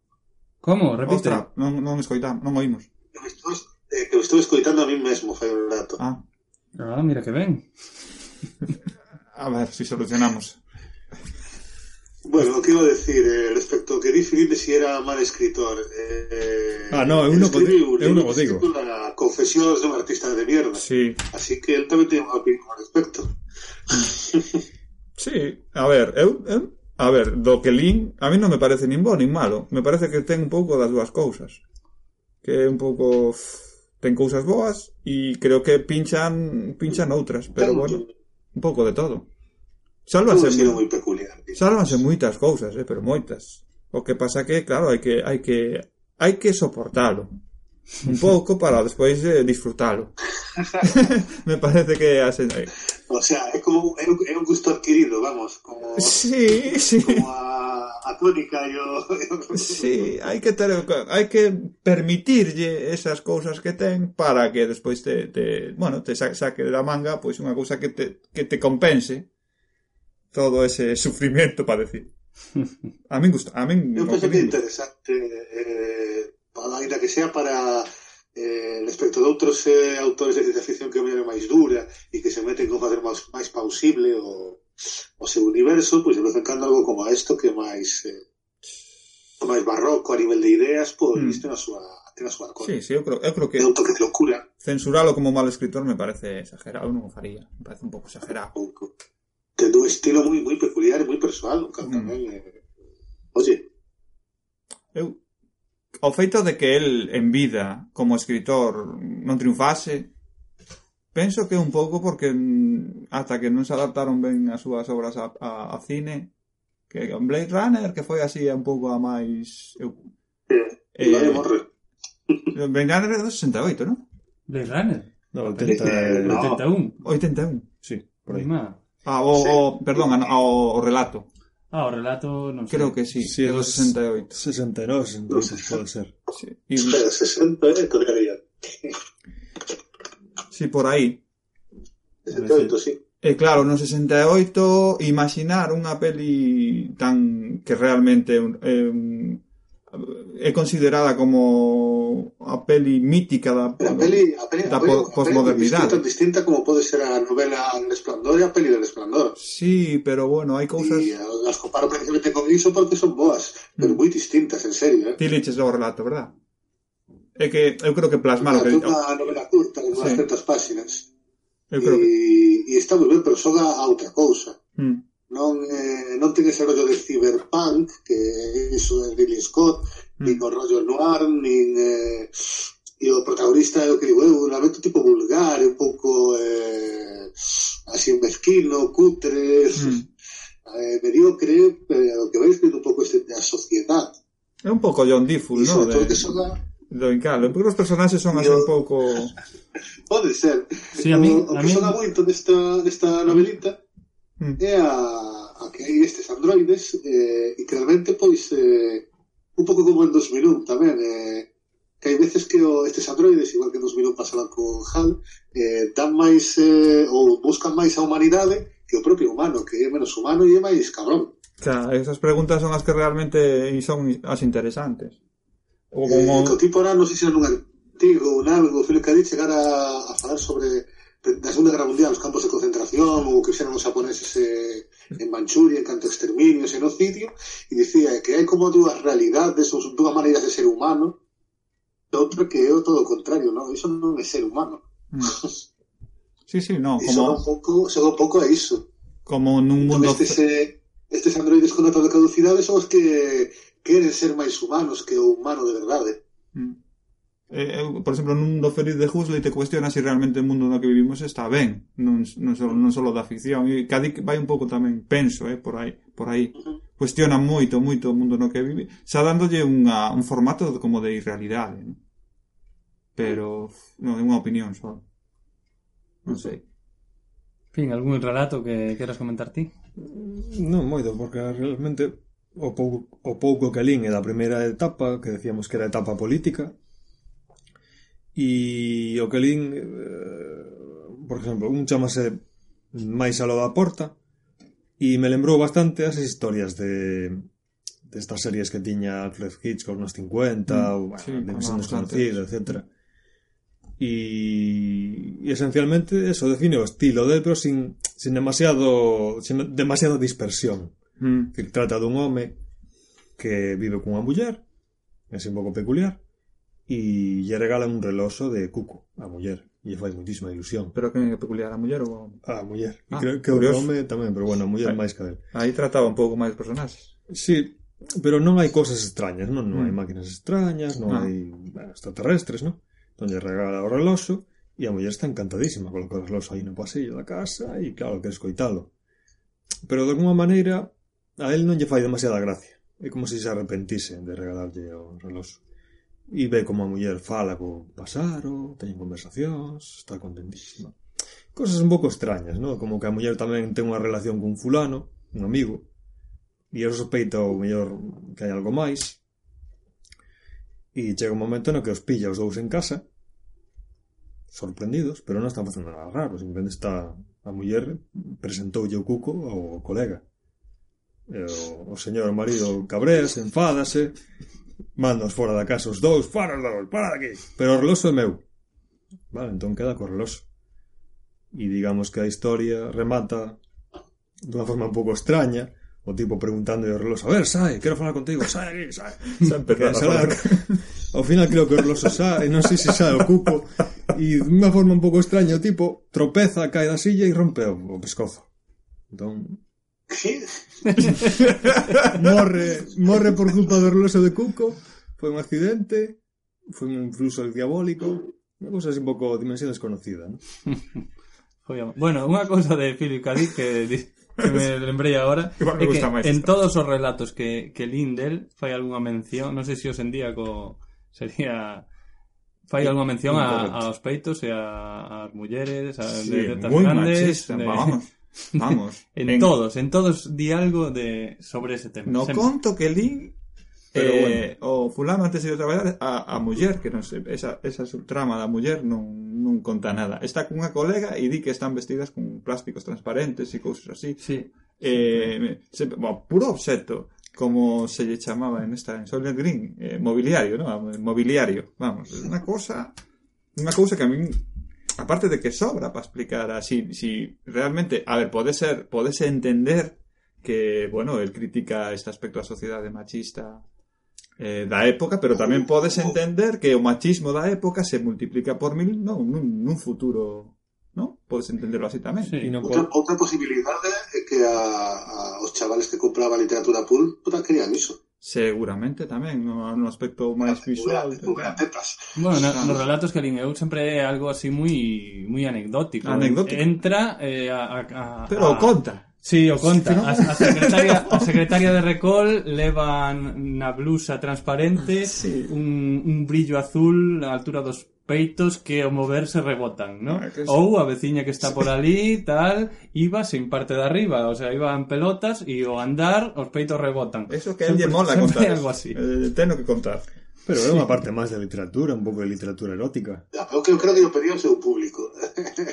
Non Pode ser, pero eh, é- queda nesa anécdota. Queda aí esa... sí. Él lo conta. Como conta, eu que sei, que o coche descubre se si eres extraterrestre ou non, eu non sei. Igual ten un trastorno e ten que soltar aí porque Eso é como es Jung, Sheldon que es ten Jung. que tramar, Era, era, o chamar tres era veces o a editor o que decía, aquí hai que haber un cupo de tetas. Tantas páginas, tantas tetas. Podes, a ver, estamos así tal, pero pode ser que él quisese vender ese, ese, ese, esa, ese mundo del sí, que o metese sempre porque quería vendelo, o sea, quería eh, que a xente se entrase nese mundo en, en que os electrodomésticos falan, eh, as mulleres son obxetos... Bueno, pero é un visionario, adiantouse ás playas nudistas de Toplés. Sí, sí, sí. Eh, sí, sí realmente sí. eso... Home, de 50... O tipo pide un pouco máis de igualdade. De 50 decir, golpes tía, que dá, algún, algún acerto. Unha tía aire non pasa nada, decir, nos anos 50 nunha sensación, vale, en striptease. bueno, é unha interpretación un pouco libre. Nos clubes de striptease e non, non pasa nada, pero na realidade nos anos 50 era unha sociedade super hipócrita, Estados Unidos. Eu hoxe en día digo chispinín que non hai ninguna actriz que, que, que faga que lle paga eso por ese papel de estar muy, sentada con... Son moi recatadas, eu creo que ahora non bueno, é como nos 70 que se... chama que, que va a subas esta fin de ano? Que pongo en España? si Sí. Eh, non, non che sei non acorda. Pero vamos a ver, no cine dos 70 era bastante máis común, é un pouco máis despelote Non estou falando do cine español, eh? Era un pouco máis desinhibido nese aspecto Ahora mm. sí, estamos nunha época de retroceso, de involución E sí que ahora as tías dirían Isto é super machista, non podo enseñar as tetas porque sí Estás ti chamando o feminismo involución? Eh, non Ah, vale Hai que ter cuidado No, no, no, no, no, no. Ten, ten cuidado Ten que te estás metendo no, no, no, no, no, no, no, no, no, Da igual. Eh, si, che, se sin as tetas, que pasa? Por que claro, exactamente, se sin as tetas, que pasa? Que pasa? Bueno, no pasa nada. Eh? A mí, tipo, para mí non pasa nada, pero terá que opinar tamén a que pongas tetas. Eso é... Eh, no, pero algo chamativo, porque se si fora outra cousa tamén, o sea, sempre... É anecdótico. Sempre eso. sale. A ver, por exemplo, o ten que poñer. Por exemplo, en Stephen King, que mencionaba Francisco antes, o tipo sempre metía unhas páxinas de sexo ou, de, ou algo parecido sí. que non viñan a conto de ah, nada. Es sí. E era un episodio, porque era un Sí, que sí. episodio que estaba como incrustado. cuatro, eh, de tetas. Hai que ten que poñelo. Sí, estaba como incrustado na novela, uno conto porque sí. E realmente isto non pintaba nada, pero o que decía Steve Francisco ten sentido, es decir, eses lectores de revistas, bueno, ao mellor pedían eso, pedían Que serían unhas adolescentes pacilleros, joder. Pode ser, sí, home, sí, sí, sí. Hombre, Pode ser. Así de claro bueno, pues... Y porque no viste esa, bueno, vos buscar algunas de las portadas de revistas PAL los años 50 y así, e que sean dibujitos, que no se sean fotografías, pero las marcianas están todas buenísimas. Sí, sí, ya sí, tenemos... Sí, no, sí, bueno, Onoso Lobo precisamente sale un poco de esas revistas. ¿verdad? un eh, cortapega. Un machista, Héctor, ¿qué estás diciendo? Aún no, no me enteré sí, pero recortado, muy recortado para que eso no, no salga. Bueno, vamos acabando aquí o segundo bloco deste burucho Philip K. Dick e con esta música adentrámonos no bloco 3. Adiante, Camaño. Ah, no, Camaño non está. Adiante, eu.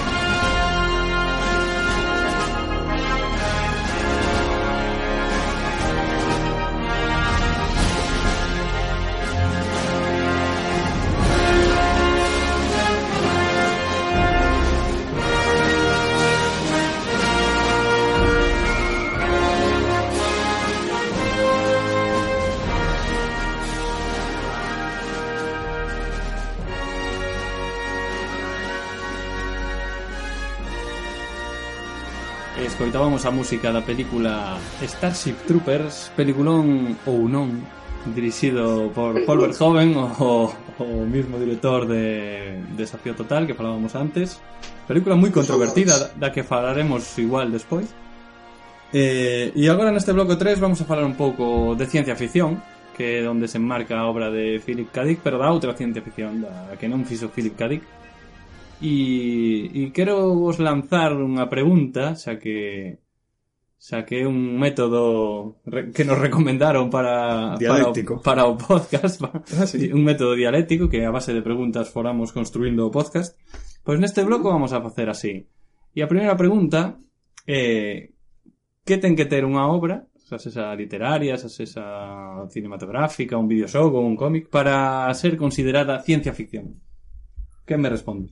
Primeiro. Pois a ver, a mí se me ocurren Pois, elementos, una mistura, ¿no? Elementos tecnológicos que no existen, o una realidad de, que no existe, una, una imaginación, ¿no? Algo Pero eso, la realidad que no existe, fantasía. Fantasía, no, pero claro, mm. siempre misturando con elementos científicos, es decir, pues una tostadora de fala, ¿no? Algo así. Mm. A ver, Frank. Mm. Iba a decir que hay un adjetivo que, se, que muchas veces venga a continuación de ciencia ficción que es especulativa. Entón é especular un pouco co, co futuro. Mm. O sea, mm-hmm. pode ser tecnolóxico ou pode ser posapocalíptico, pode ser viaxar a outros planetas, pode ser... E a partir de aí é especular, digamos que un pouco xogar coa, coa ciencia, pero coa ciencia será, non temos que ser tecnoloxía. E de aí sacar ficción eh, sobre que pode pasar no, no futuro. Eu aí, é, é, é o que te iba a comentar, eu aí vexo máis unha película futurista que de ciencia ficción, porque sería ciencia ficción que se no futuro. ti dirías que Mad Max de- é ciencia ficción? A ver, pero cando se acuñou o término ciencia ficción? Bueno, que realmente o término ven de Claro, inglés o- e a traducción es que- máis literal sería ficción científica. Claro, é que... Entón, o término ficción científica ten que ter, ¿no? Pues como dixo o Fin Fin, antes, ten que ser algo científico. creo que ten, Que ten que? que ten que ver co nacimento da ciencia Claro. moderna, é dicir, antes da ciencia ficción non existía. Que pasa nos séculos anteriores? Non se si ocorreu facer todo isto. No. Supoño que a palabra se, acuñaría coas Porque non primeiras... existía. A, a primeira novela de ciencia ficción considérase a de Frankenstein, Frankenstein, en sí. Que vale. vamos, que é unha obra, unha obra mestra literaria tamén. Porque ¿no? introduciu o elemento... Bueno, porque, porque son cunha premisa científica e aí uh -huh. bota a imaginación a voar. Pero eso, son parte de electricidade que é unha novidade, eh, máis ou menos, e a partir de aí, imaginación. Uh -huh. ¿no? Bueno, debe ter que, que ver... O que preguntaba Héctor de Mad Max, eh, ti en Mad Max, cando dis que hai no futuro unha guerra que se acaba o petróleo, que iso fai que a sociedade vai ao caos, esa parte é ciencia ficción. Bueno, pero unha parte, Mad Max, parte de... cando vas o catálogo de ah, HBO, pero... Mad Max non está en ciencia ficción, está en aventura ou... No, no, no. É probable que haxa... Pero, pero digamos que esa pequena parte sí en ciencia ficción. Sí, home, pero... Bueno, no, a película non é ciencia... Eu penso que Mad Max non é ciencia ficción. Pensando en Frankenstein, é probable... Sí, son, son, son. É probable que haxa algo... Perdona, Frank. É, pro... é probable que haxa algo de... De... De irre... irrealizable, non? de que é unha, unha proposta que na época na que se fai, neste caso a novela de Frankenstein ou calquera película, eh, científicamente, aínda que o intente justificar, non se fai e non é non se cree que se poida que poida pasar. Pero no, normalmente, o sea, probablemente no, no momento, na actualidade do relato non se pode facer, pero eu que digo de especulativa, ten un toque de pausible sí. no futuro. No pode futuro. ser, efectivamente. E... Entón, coñecemento que teñen de daquela de electricidade e tal, falamos do de, de que, de 1820 algo, Frankenstein ou así, Sí, eso é pleno o, romanticismo. Sí. o coñecemento que de electricidade para eles é pausible que Mm. podan resucitar corpos Ujú. no futuro. Eu penso que pode haber eh, películas ambientadas na época actual que son ciencia ficción. Como por exemplo que un científico Sí. descubre al, algo que non existe agora mesmo, Sí. que o que decía Paco, y eso, y, y sería ciencia ficción, ¿no? Eh, a ver, y sí, no ten por qué estar ambientado en el futuro. No siendo futuro, mm, perdón. No en los futuros, sino incluso en los pasados, en el mm. punk. Ha maquinado tiempo. Pasado, se cruza el mm-hmm. mm. bueno, Precisamente, ahí tenemos a, a Máquina Tempo. A Máquina do Tempo. To, casi todas as de, de Julio Verne son como... Eh, Julio Verne foi un pouco máis visionario, non? Foi un pouco máis supercientífico. Pero Eh, Sí, justo que Julio Verne ten moito de ciencia ficción. Por sí, eso. sí, sí, sí, Verne é Por ciencia eso. ficción porque escribiu nunha época. escribe o Nautilus é ciencia ficción. Es claro. Eh, eh, eh, non ambienta os seus relatos no, no futuro. eh. No, e sin embargo, época. para os contemporáneos del era ciencia ficción, o mellor para él, que despois chegou a ser jogar o, o Nautilus, evidentemente, Ujú. se, Mm. E a, O Viaxe á Lúa. Á Lúa, sí, tantas Eh, cousas.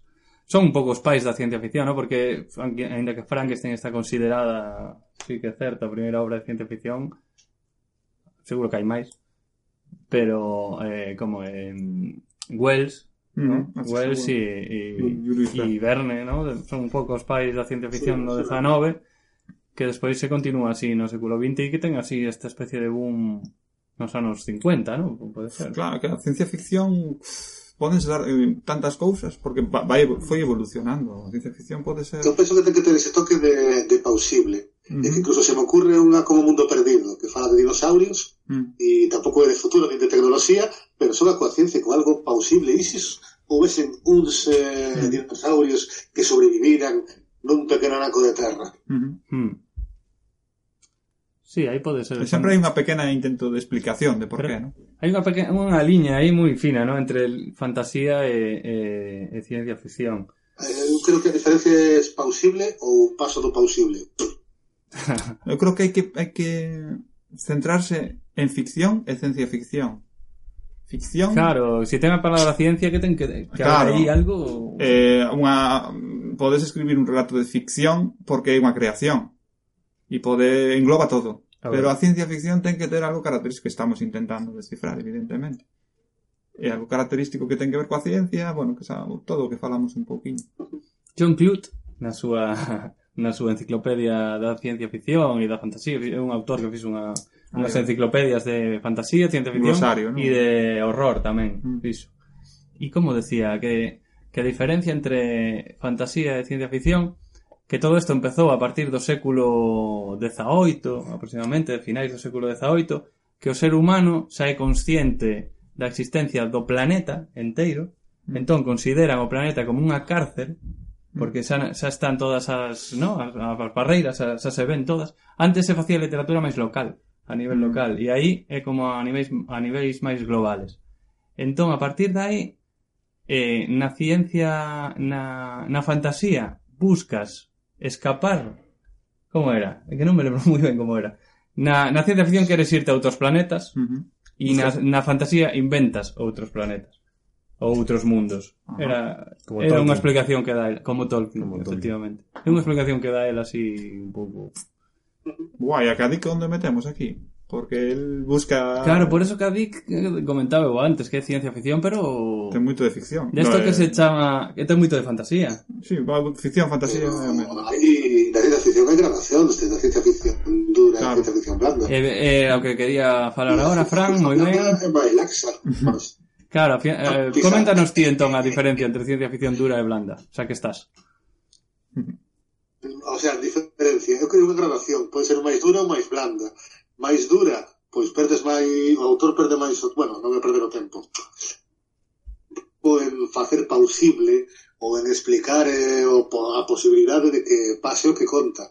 Na mm. ciencia ficción blanda é máis laxo, di, pode pasar e non me mato aquí tampouco a, a explicar o moito, porque probablemente pois para o dato non lle interese. Uh -huh. Interese, la, por exemplo. caso de Cadí, que é máis blanda, porque non se mete nin con eso, en plan de como fai ou como non fai. El fai directamente iso de telépotas ou de androides ou do que sea, e non se mata moito a explicar. Intentemos. Pero hai outros como Asimov ou Arthur C. Clarke que se pode meter aí páxinas cun pequeno tratado de física, de cibernética para, para explicar eh, por que hai un androide ou por que hai un telépata. Uh -huh. O sea que basado no coñecemento no que se escribiu eh, a obra, no coñecemento científico, pois a partir de aí crea unha posibilidade de, de ciencia máis avanzada, non? Eu, a, aí pareceme un pouco a peli de Nolan esta Interestelar, ¿no? que se, tamén se mata mm. bastante a explicarche os temas de gravedade e todo isto. Bueno, sí, meter un buraco negro, non sei sé que, sí, sí, canto. sí. A mascar demasiado, non?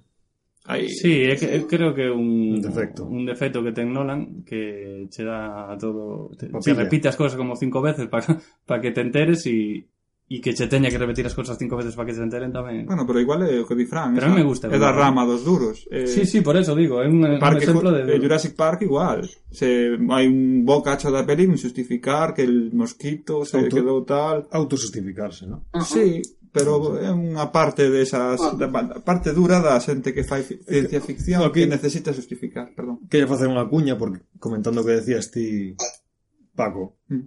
sobre, oh, de repente me meto no mundo, non me meto, a mí me gusta que de repente me larguen toda esa palabrería e toda esa cousa extraña porque me teño que meter, é dicir, Hmm. non me importa cederlle ao autor sabes o que pasa, sí, a mí tampouco me importa cederlle meterme no seu mundo pero o que sí que me me cansa un pouco e sobre todo me despista na trama é cando mete moito como se di eh, oh, eh, demasiadas carreteras secundarias. É dicir, dites unha base interesante pero de hmm. repente cando empeza a írselle a, a Perola en rutas paralelas que non levan a ningún lado, que son como subtramas para justificar esa base que está hiper, eu creo que a ten bastante clara. O que pasa que eu non sei se é unha especie de vou vou respetar a opinión de Fran de estilo, mm. de que querer ese estilo e un pouco tamén de Héctor que parece que sempre ten que meter eso. E claro, dicir que a min ese estilo a, a ti te pode gustar, a min un exceso Dende, bueno, non mm. demasiado. No conto o soporto, sí que na novela non. Eu aí Paco se recomendaría que a continuación leras algún de Arthur C. Clarke ou de Asimov. Mm. Sí, a verdade que... Mm. hai un collazo aí de tropecentos párrafos eh, no, explicando sí, sí, sí. o principio científico que permite que unha nave vaya da Terra a Marte eu recordo así, pues, eu recordo hipertediosas as primeiras páxinas dun mundo feliz E non me acordo exactamente moi ben e eran casi, non sei, se chegaran a centenario. Despois me parece unha novela increíble. Pero non, non ten absolutamente nada que ver co que, co que dis, pero podo soportar eh, cousas... hai, Podo hai soportar... novelas e relatos que son difíciles ao principio, pero que pena. Sí, sí, sí, claro. Si me permitides, Mm. vou a citar o, que- o, o meu citado John Clute, Ah, ujú. o que comenta para ser un pouco así fiéis. Preciso, preciso. Preciso, moi ben. A razón pola que non existía o xénero da fantasía antes de 1750 era que non había un planeta do que fuxir, non había ficción, ciencia ficción porque non había un planeta ao que ir, nin tampouco había horror porque a tortura non existiu no planeta ata que alcanzamos a velo na súa, no seu conxunto. Mm, bueno, eu discrepo, eh? Vale, pois chamas Porque- de home e xa falas con él. Ah, no, ver. vou decir que non existía tortura? Es decir, esa horror, todo horror habido e por haber, se existía. E a xente era moi consciente deso. Pero de forma local. De forma local. Que o que di el, igual, que ata, es, que ata haber un planeta... Eu entendo como que ata que non se consciente que existe un planeta no que estamos encerrados, Bueno, a xente sempre tiña unha vía de escape pois era... hacia o norte, hacia o no, oeste, hacia o sur. A mellor vía de escape eran as religións, porque esa propia, a propia iglesia se encargou de, de sí, crear tal horror e tanto, mm. tanta tortura que non facían falta extraterrestres ni monstruos extraños, xa existía. A ver, eu discrepo en canto que a mellor a ciencia ficción sí que é algo que a partir do hábito XIX, pero a fantasía, a propia mitoloxía, a materia de Bretaña, e todo iso é fantasía, realmente. Fantasía. Bueno, aí a diferencia entre mito e Ai, falaxe, fantasía falaremos no seguinte gurrucho que vai ir de... xa sabemos que vai a ir de mitoloxía grega Mm. así que aí trataremos ese tema a fondo Eu creo que estamos meténdonos un pouco así nun problema demasiado aristotélico. Estamos intentando definir que é a ciencia ficción e que máis dá a definición. Sí, tens razón. Dá un, dá un pouco igual, ¿no? Sí. Caemos, digamos que nun defecto. que precisamente a, a, a literatura de ciencia ficción estivo bastante mal considerada, era un subxénero, ¿no? era subliteratura. como fantasía Como fantasía, porque precisamente se consideraba este, esto é basura, esto para revistas de catro patacos e para os, esos rapaces que se fan... Claro, supoño que se consideraría infantil. Nos infantil ou mm. juvenil.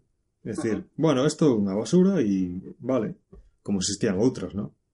Outros subxéneros. Cando a ciencia ficción moitas veces é un telón de fondo.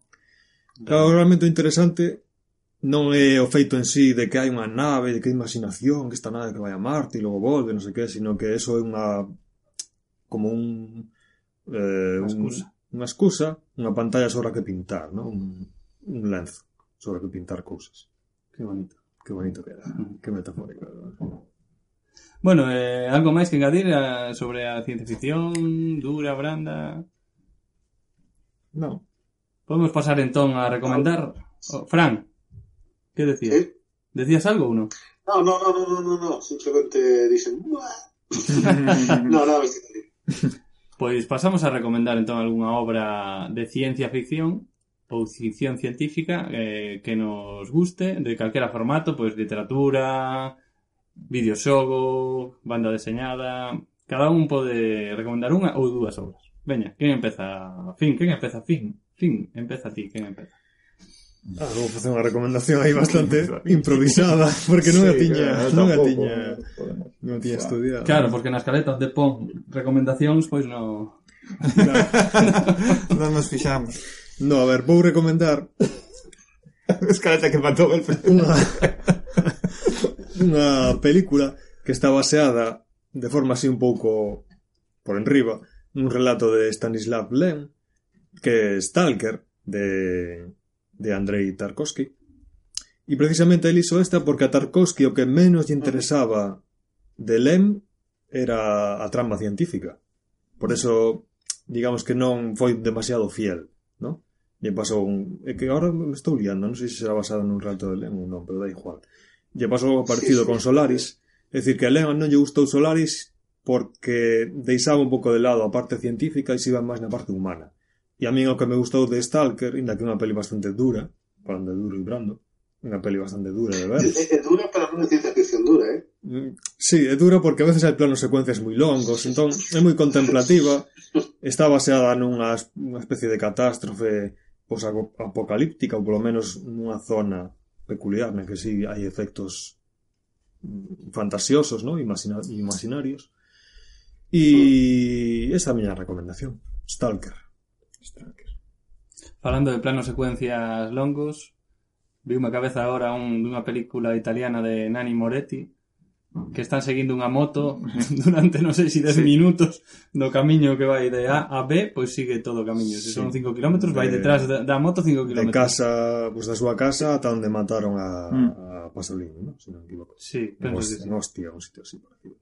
Alguna recomendación máis, fin, non? Pois pues mira, como mencionei Solaris, pois pues Solaris a de Tarkovsky tamén, a de George Clooney, a verdade que me parece un petardazo de película.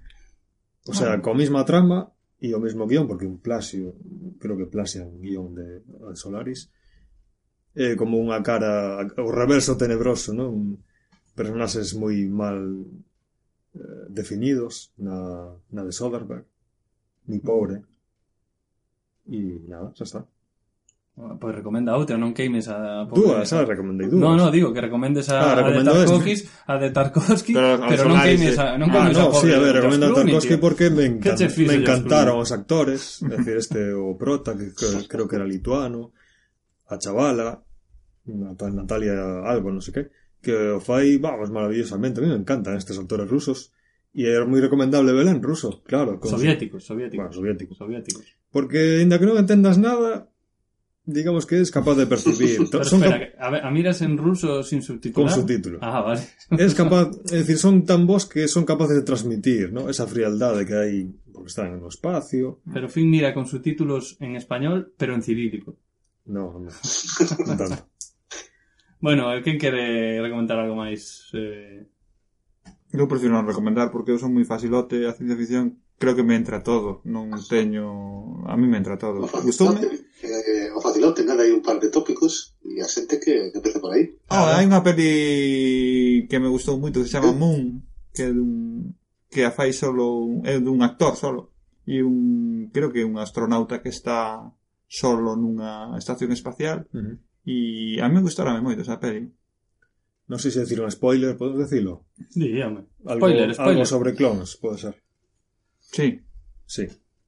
sí, sí. sí. Ah. Pero esa é unha de, de, de Tom Cruise, ¿no? No. No. No. No. A é o fillo de David Bowie que a dirixiu, non? Sí, sí, efectivamente. E despois Facilote, a mí que me gusta todo. Realmente. Bueno, podes decir un tópico. Eu, por exemplo, vou decir un tópico. De ciencia ficción 2001. Home, sí. O a de Sin Connery, ostras, como se chama? Atmósfera cero. Atmósfera cero. Sí, sí. Ah, pensei que vas a decir os inmortales. espera. Incluso ah, eu metería... Eu pensei que os de Zargor. no, de, de, a cosa, como no me, me parece de ciencia ficción, inda que es esa terror, sabes? O Entonces, chisme. Sí, a cosa. O chintófano a cousa, a, cousa, a mosca. a mosca. Alien. Alien, ostras, Alien. Muy recomendable. Meteo extraterrestre. Hombre, este... eh, Pero es demasiado bonita, los marcianos. Es un poco para... Bueno, pero es, ciencia ficción. Ahí se profundizan los personajes. Algo más como Temblors, ¿no? Ah, y luego a mí me encanta literatura. Eh, yo soy muy de, de, distopías. Así que me mola Un Mundo Feliz, 1984, de. Fahrenheit 541. Ahí estamos. O sea, vamos a todo mainstream, todo mainstream. Tópicos. Pues yo voy a recomendar una cosa. Sí. Voy a recomendar un cómic que, que es muy Philip K. Pero es de, guionizado por Jodorowsky y ahora mismo no me lembro cómo, cómo dibujó. No, en no. Ainda que sí, en recomiendo también, pero... Pero un que se llama Megalex. Ah, Megalex. Que, que es una trama muy parecida a The Blade Runner. un francés que dibuxa. Que ahora mismo non me lembro quen o, quen o dibuixaba, Megalés. Busca na, na, na Wikipedia xa está. Megalés de, de Jodorowsky. Que Jodorowsky eh, lembrame moito a, a Philip K. Dick, sobre todo en estes palabras que usan para, ¿no? para definir obxetos as con palabras compostas, ¿no? Un videofono, non sí, sei que... Con... Psicoma, psicomasia Psicomasia Pois sí, lembra un pouco. E, e eso, Megalex é un cómic así bastante interesante. E despois, non sei, como vos solo dixestes películas, un videoxogo, por exemplo, este de marcianitos, ¿no? que van caendo así, e ti vas aquí abaixo con, non sei como se chama, Invader, Attack Invaders. Space Space Invaders. Invaders, sí, Space Invaders. Un videoxogo moi recomendable. Moitas horas aí de cativos. Fred Beltrán. Fred Beltrán, efectivamente. Vale, pois si ninguén quere engadir ninguna recomendación máis, vamos a esperar este segundo de rigor a ver si Fran di algo. No, Nada. cada día que... Entón, sí. Como? Perdemos aí un Que, momento. ca- cando, te- cando tenga que dicir algo, xa te interrumpirei. Ah, vale, vale. Sí que o teu Si xeito. non podes, podes, podes eh, alzar a man. Vale, eh, pois nada, imos, imos aí pinchar esta música para da abrirnos paso cara ao bloco 4, o derradeiro deste gurrucho de podcast. Adiante.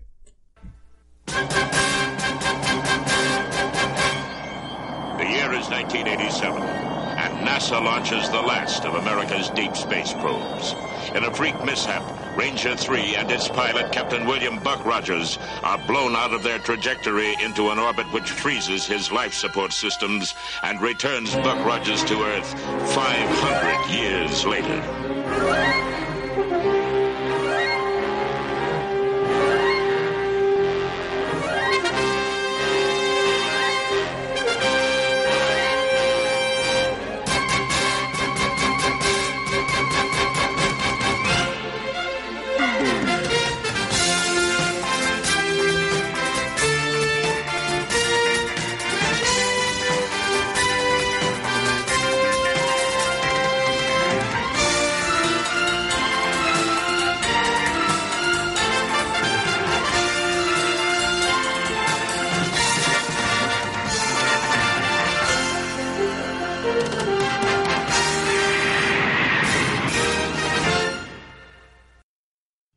Vamos entón co bloco 4 Escoitábamos, por certo, a música dunha serie que votaron na Galega. Este bloco 4 agora xa non é íntegramente de Galiza. Eh, vamos falar tamén de Galicia, pero ao final.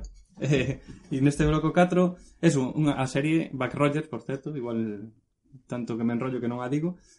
E neste bloco 4 vamos a, a falar das... Hablo del 700 Buck Rogers. Pon una nave, ¿no? Hay un robot. Hay un robot. Hay un robot. Es Space Opera. No sé, una mezcla. Sí, yo diría que é científico. No, Space Opera. Space Opera. Sí, es más Space Opera que, ciencia ficción, pode ser. Pero bueno, Space Opera puede ser un subxénero dentro de la ciencia ficción, que. Da igual. Eh, Eh, Eso, vimos a falar das, das obras que xenerou precisamente Philip K. Dick, un pouco máis eh, polo miúdo. Sobre todo as películas estas tan famosas, Blade Runner, eh, eh, Desafío Total, eh, Minority Report e algunha máis que ten por aí. Esta Next. do gran do, iba a decir do gran actor. do gran actor Nicolas Cage Next e outras como eh, a Scanner Darkly, creo que aí sale Keanu Reeves. Gran actor.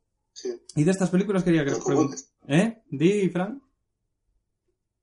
A Derby Scanner como aerotoscopia, pois o, o careto plano que ten non se nota, non cambia. ah, sí Sí, efectivamente.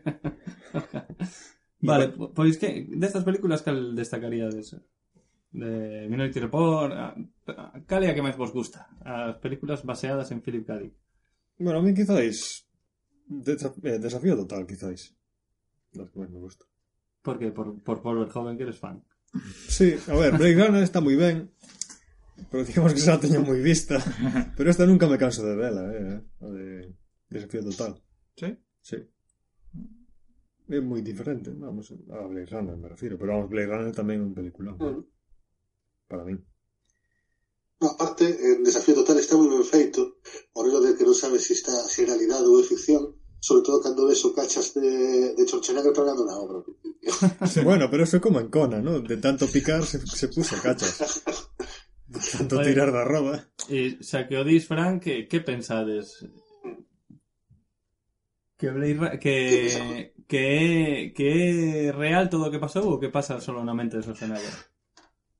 Pode, pode, coa pode ser as dúas cousas. o chiste que son coa dúbida, precisamente. Claro, pode, ser, aí... pode ser ou non pode ser. Eu creo que está na mente do tipo. Hai, hai, hai cousas nas, peli, nas películas que, que dan pé a isto. Sobre todo porque antes de que lle fagan o injerto ese no cerebro, se miran imaxes que despois aparece. Dan, bueno, dan pistas, dan pistas na peli. Pero bueno, ainda así creo que, esa... que é bastante ambiguo. Eh, en, en desafío total... Espera. as pelis que máis nos gustan. Pois sí, pode parecer así un pouco extraño, pero é unha das que máis recomendaría. Tamén porque non mirei Minority Report e porque Tom Cruise, pois en fin, tampouco me fai ah. moita gracia. E Spielberg. Oye, por favor, Spielberg é un dos grandes directores do noso tempo. Entón aí sí que metemos un pouco de polémica. Hai bueno. que meter un pouco de polémica, si non Ah, pois pues no, meto aí tamén porque a mí no pois. gustoume máis Minority Report. Sí, sí. desafío total? Sí. Ah, sorpresa. Sorpresa, por que? Porque o cine de Schwarzenegger É o mellor cine que hai. De, claro, Conan que xa foi Conan, tratada. Conan, Total, Depredador. De Terminator non se falou. Terminator, mi má que Eu sin... Solo fai peliculóns este homem Sin ter visto esta de, de Minority Report Si que lín ao resumo da obra de Dick E a min hai cousas que... O resumo. Sí. a verdad que... Perdón, perdón. Wikipedia, tal y. O resumo da obra de Dick, Austen. Resumo da Wikipedia. A ver, hai cosas que chirrían un pouco, non? Eu creo que aí é, de, é demasiado estrella Tom Cruise e que hai certas cousas que se cambiaron para dulci, dulcificar o seu personaxe e para facer un pouco máis eh, morón. Probablemente, pero no creo que Cadí quixese un personaje, é que non lín no, como claro. de Tom Cruise. Sí, sí. Está sacando esto, do, do resume da Wikipedia de, de Minority Report, ¿no? Pero pero son resúmenes moi fiables. Ah, vale, vale. vale. Eh, bueno, gustouche máis que Minority Report inda sin vela, ¿no? eh, por exemplo, no, por que por que hai nenos son nenos, ¿no? Inda que están un pouco blancos. Okay. Os, preco... os precocos. Sí, son, bueno, son, ad son, chavales, son adolescentes. Son adolescentes. Aí Philip eu creo que é máis duro, é máis chungo porque son mutantes, teñen un cabezón, son hidrocefálicos, son unha especie de bichos, mm. bicharracos. Probablemente deixe as na manga que se poidan transformar en humanos tamén, sabes que como mm, Sí, pero creo que sí, ¿no? tiraba máis tiraba máis hacia o lado mutante, un pouco que den algo de asquete.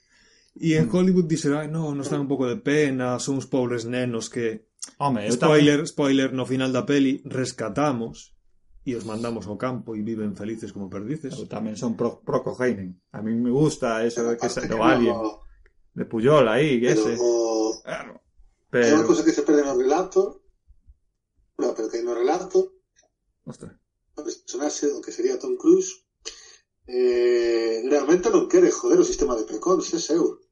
Claro, é dicir, el, el, foi o que quedou ver. Entón, el parte... está, na, está na, na, na dúbida de o mellor me teño que cargar a alguén para que isto siga funcionando.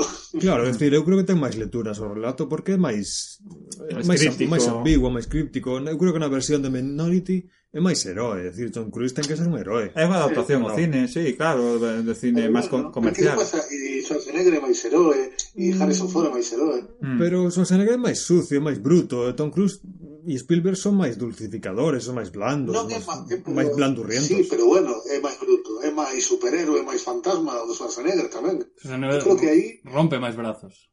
Ah, a ver, que quere decir Fini? Ah, Fini non veu Minority Report, está criticando a saco, pero eh, si, eh, o personaxe de, de Tom Cruise ten unha vida que supoño que será inventada por Spielberg. Sí. Como?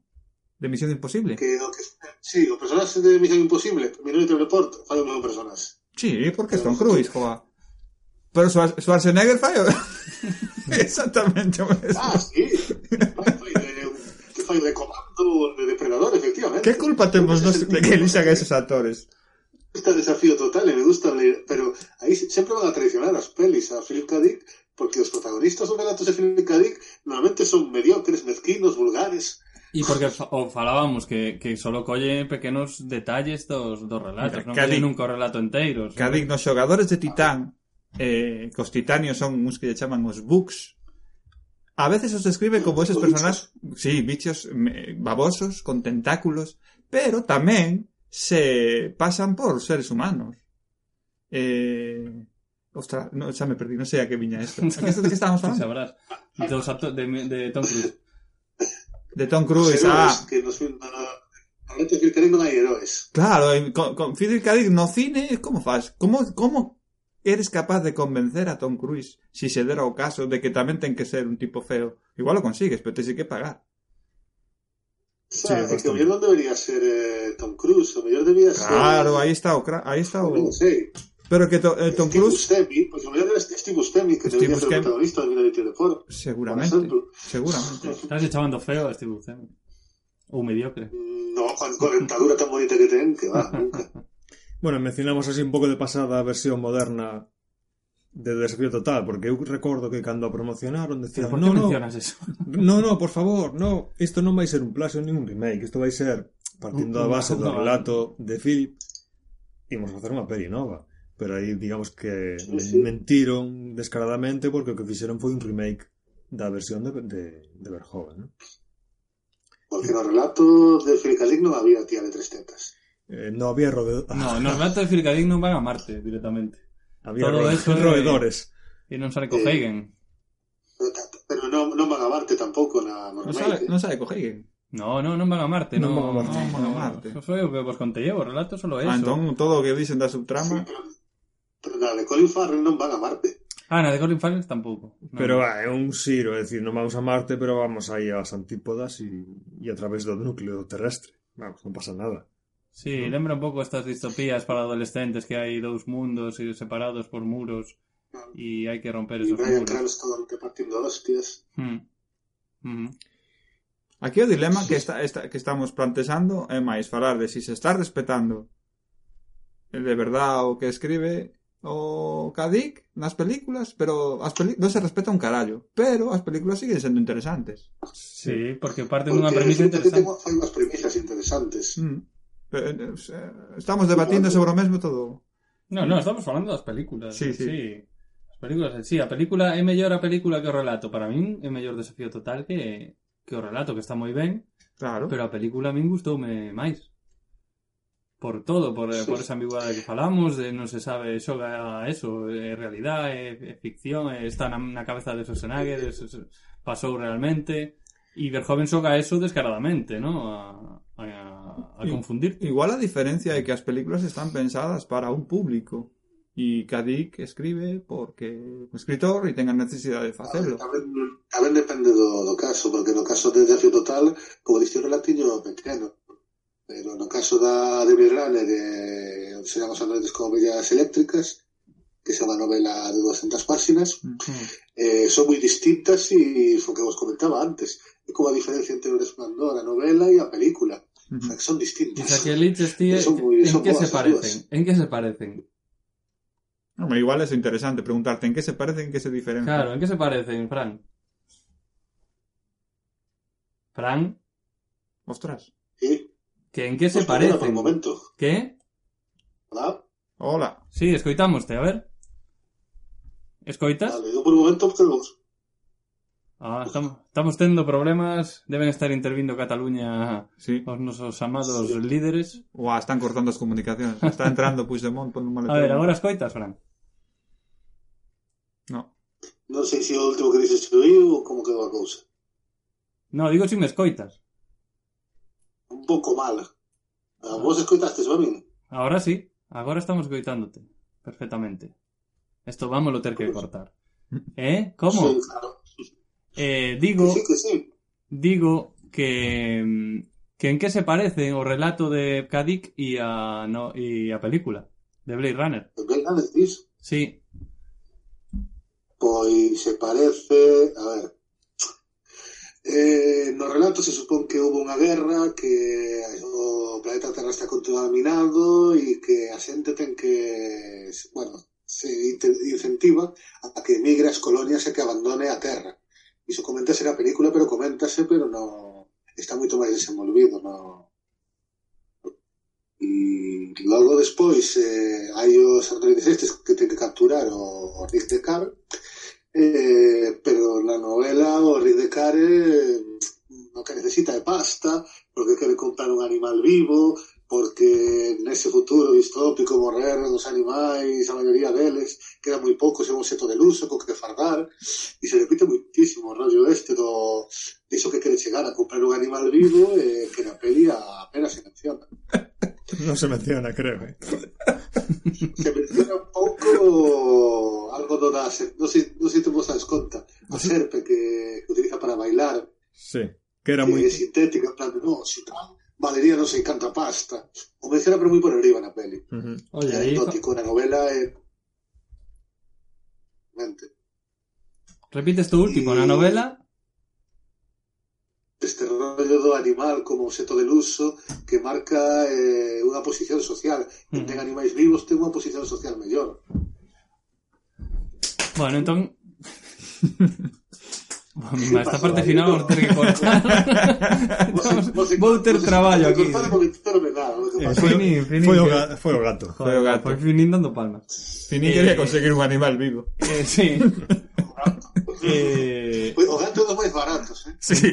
Entón este un pouco Fala un pouco de colosismo eh, aquí tamén, no? Pacma, estaba Pacma aí Dicindo que o futuro sin animales Porque nos, estamos nos cargando os animais Mm. E logo realmente eh, é, é moi sutil o, na peli hai esta cousa de si é, si Décar é humano ou é replicante, non?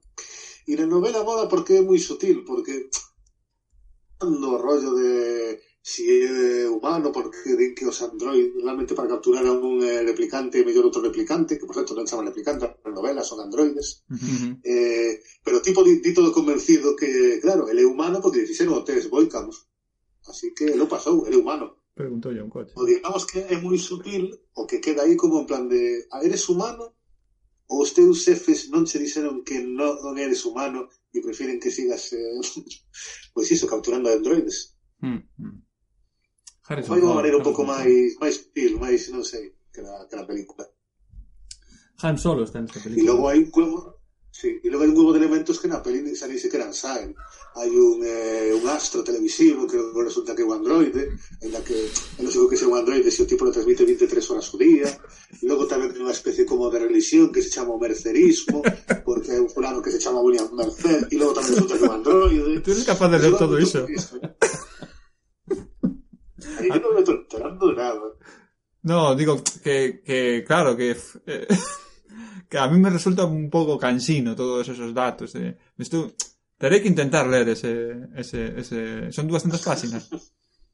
200 sí, e pico, no, sí. Bueno, bueno, hai ¿eh? que intentar. Bastante pouco. Uh -huh. Claro, mete moito dato, pero xa é algo, algo que contamos. Pero é parte, é parte do estilo, xa te digo. Por eso. E bueno, vamos a facer un xiro aquí inesperado e vamos a falar de ciencia ficción galega. Non sei se si, si existe. Eh, teremos que falar, Fran, da tantas veces mencionada Urco Editora, ou como é? Sí, pero bueno, Urco Editora máis relacionado co, co, co, un pouco recuperar o pulp en xeral, hmm. que é ficción, pero igual que outro tipo de xéneros tamén eh, viviron no pulp e que están eh, un pouco recuperando dentro dun, por así decir, un movimento que hai neopulp, non só en Galicia, sino tamén en España e por o mundo. Uh -huh a Facultad de Comunicación de este tipo de, de, literatura. ¿Cómo se llamaba a revista que publicaba Urco? Que, que había relatos. Eh, contos extraños. Contos extraños. Bueno, eso, como creo que xa dixemos como 40 veces. sí, pero bueno, cando teñamos moita, moito máis éxito do que temos agora, hai que pedirlle a Urco Editora que, oye, estamos aquí facendo... Que nos patrocine, ¿no? Que nos... claro, y... patrocínanos aquí. E por que pensades que na Galega non votan series de ciencia ficción? Non votan, non, non fan Series de mm, ciencia. Non producen series de ciencia ficción. Tampouco votan moitas, non? Imagino. Bueno, votaron para Rogers daquela. E que máis? Doctor Who. Doctor Who. Efe- Que máis? Efectivamente. Os viaxeiros do tempo. Os viaxeiros. Star Trek. Star Trek. Star Trek. Eh, Star Trek foi un clásico, sí. Sí. Oh, ah, Ainda, porque a galega non é o que era, sabes? Antes a galega Mira, estaba Eso es é outra cousa que Nos agora 80, 90 estaba guai. Antes sí. Canto fai que non botan unha serie de, de ciencia ficción igual 20 anos xa, tranquilamente. Na galega? Ou sí, que... na galega. Sí, fai... é que agora mesmo creo que casi todas son producidas, ¿no? Prácticamente mm, todas. É que na... Eh, está na galega dúas, ainda botan algunhas, así, True Blood, creo que, que a mm. botaron Heroes. A mí se me ocurre, sí, Heroes, creo que votaron tamén a primeira temporada na galega. Sí, e así, pero de ciencia ficción, mm, a verdad que non sei. E producións. Sí, produccións, por que non? Porque é moi caro, ¿no? A menos que fagas unha Bueno, cosa... Star Trek moi, moi cara non debía ser. Claro. Tiñan ali un- uns cartóns facendo Pero a mellor nave. lle está vergonza. Creo que ainda estamos na fase de costumbrismo. Ahora poñerse, te, imagina, te imaginas, eu que sei, a Luis, Luis a Miguel de Lira o a, no sé. Eh, o sea, el problema es cómo introducir, cómo, cómo introducir cómo misturar o costumbrismo con ciencia ficción. Cómo introducir a cuando están coston.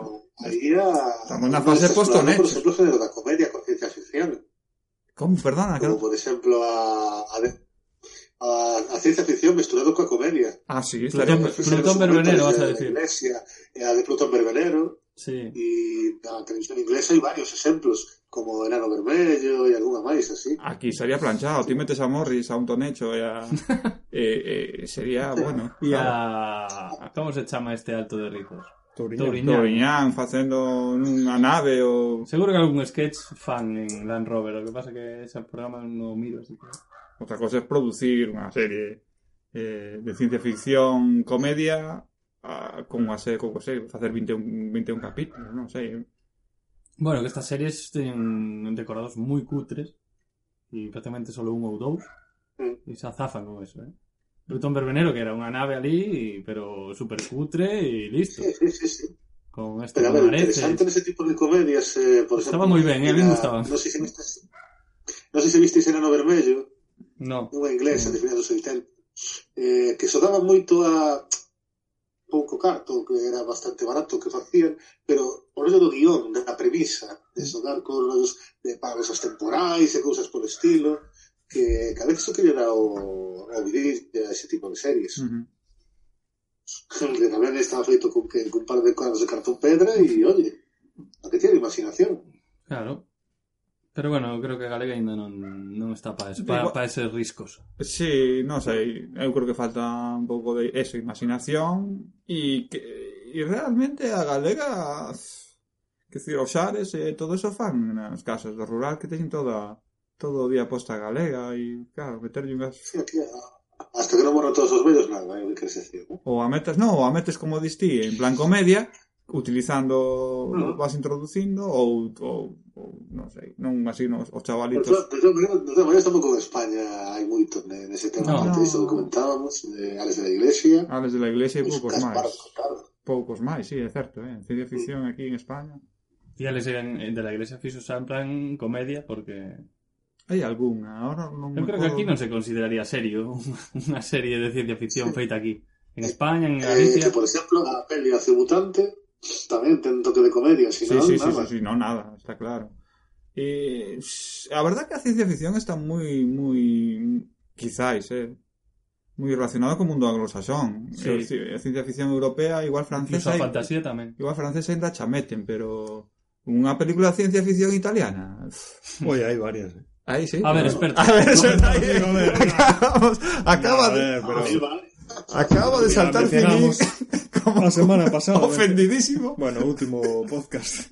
Esta de que un representante do xénero trash de Lixo, Sí. que era esta de Robot Holocaust. Que é unha especie de que ten Sí, pero bueno, Pero ti dixeches, eres representante do xénero liso. Lixo, claro. Bueno, Y a ver, pero conserva- ese liso. conserva o, o idioma inglés no título. Eh, ¿Cómo sería traducido italiano loca? Holocausto. Robot holocausto. Robot holocaust. Eso sería japonés, ¿no? Yo qué sé, a ver, no quiero decir. En Italia. Sí, en Italia digamos que eran, no se cortaban, podían hacer lo que les diera la gana. Pero bueno, ahora no. ¿Y pues esta que era Mario Baba no 60? Sí, a dos. ¿Es un precursor de Alien? Sí, no recuerdo el título, pero sí. No me acuerdo el título. No me acuerdo. pero veña sendo como un, unha versión deste cinema estadounidense de ciencia ficción nos 50 e 60, unha versión propia. Bueno, vamos volver a saltar de Italia para Galicia, porque estábamos falando antes de que a Galega non ten series de ciencia ficción, e como sempre nos, tenemos aquí unha proposta moi pensada por o noso, por o, por o noso equipo de guionistas encadeados ali ás patas da mesa dun bar, E sería como unha, unha especie de refrito de, de obras de Philip K. Dick, de Minority Report, de... Bueno, Minority Report... Bueno, das películas basadas en Philip K. Dick, Minority Report, Desafío Total...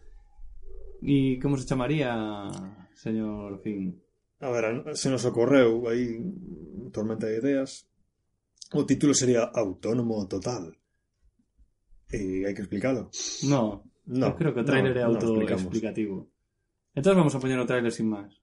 ¿Qué te parece? Sí. Adiante tráiler.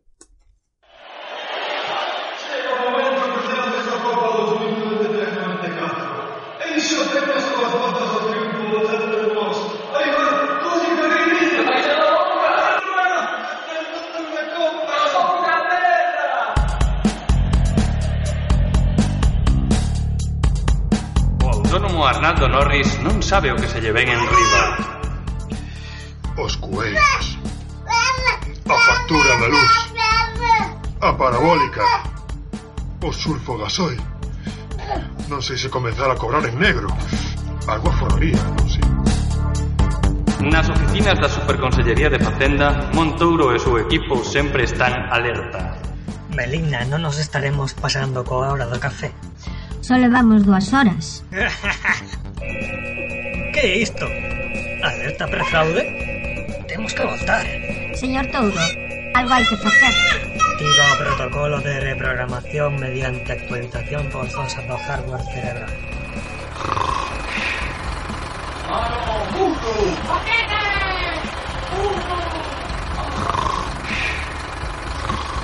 Aí está, collede. Os dous axentes do goberno entran no vitrazo levando levanto por diante a nenos e galiñas. Arnaldo pega un chimpo e salta pola porta traseira. No medio da porta do sol, baixo a indiferente mirada do sireno, corre sen saber por que el. Señora Porro, vai cara o sireno.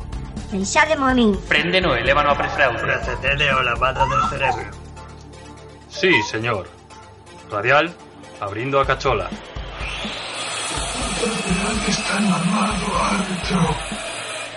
Levantando o lóbulo lateral para implantar o chip, Algo non vai ben. Pero que carallo é isto? Déixame ver. Un transistor de 32 bits. Que ha escrito? LFP? Liga de Fútbol. Cabrón! Que me estades a facer? Non me chamo Norris! Son Eiso! Al Eiso! Nun mundo onde a realidade non é o que parece, Norris ou Eixo terá que atopar unha resposta. Acadarao? Próximamente na TVG Autónomo Total. total.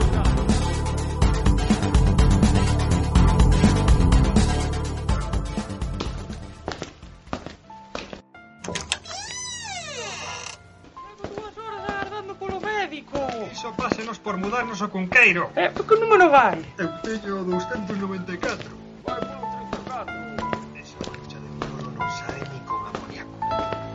igual, non se mira. Boas, xa está listo o quirófano. Sí, agardan por vostede, doutor. Camiñando cruz algo mundo dos precox. Pois na que te recomendo eu, Suersi salva Marte e queda coa morena. Señores, menos televisión e máis literatura. Don Camilo, John Grisham, Radial, abrindo a cachola. Que é ese cintófano? Pon GDV. Burrucho de vodka. E este é o tráiler de Autónomo Total un trailer que nos quedou bastante redondo porque esta vez non foi unha sola cabeza pensante fo, foron máis de unha que, que unha pensaba e a outra metía tiseira entonces ah, a, quedou a cousa un pouco mellor e non nos queda máis que despedirnos neste gurrucho Philip Kadik no que nos deixaríamos mil cousas atrás e diríamos moitas tonterías e, non mm, quero decir que en breve, en breve sí. En breve teremos unha app. Ah, sí, está, temos, secuestramos a un informático, secuestramos a un informático, Ojo. témolo traballando ali nun sótano, nun sótano. Eu sigo crendo que iso é ciencia ficción, eh, pero... Souto. Pero unha, unha app é unha aplicación práctica para qué? Para acceder directamente. Claro, para, para pensar como... Eu que sei, dixemos, temos que ter unha app que está de moda. Para que a audiencia non sepa, non sepa distinguir a realidade. claro, ten que ter esa... Teñen que ter un currucho no móvil. Claro, y así podemos dominar o mundo ah, ao final de todo. Ah, vale, vale. E nada, e imos despedirnos, de, decir, como xa dicho antes, que o próximo gurucho vai ser de mitoloxía grega. Non sei se si nos, nos estaremos metendo en sardins demasiado eh, inconmensurables. De cadica, de cadica mitoloxía, mitología grega. grega. ¿eh? Mm. Tamén, sobre todo, filmes e... Sí, sí, sí, sí, sí, sí. Sabes falar grego? Cadica? Ah, Philip K. Dick. Cadic, sí. Ah, bueno, Sí. pues por eso, por eso, nos vamos enlazando así temas, sin que non o pareza, están relacionados uns con Oh. outros. No, bueno, eh, despedímonos. ¿Dónde está la- No, no, no, claro que no. Era obvio. Pero bueno, hay que darlo todo masticado como Nolan. Eh, despedímonos de este gurrucho. Hasta próxima, Paco. Hasta luego, chao, chao. Adeus, chao. Fran. Ah, chao.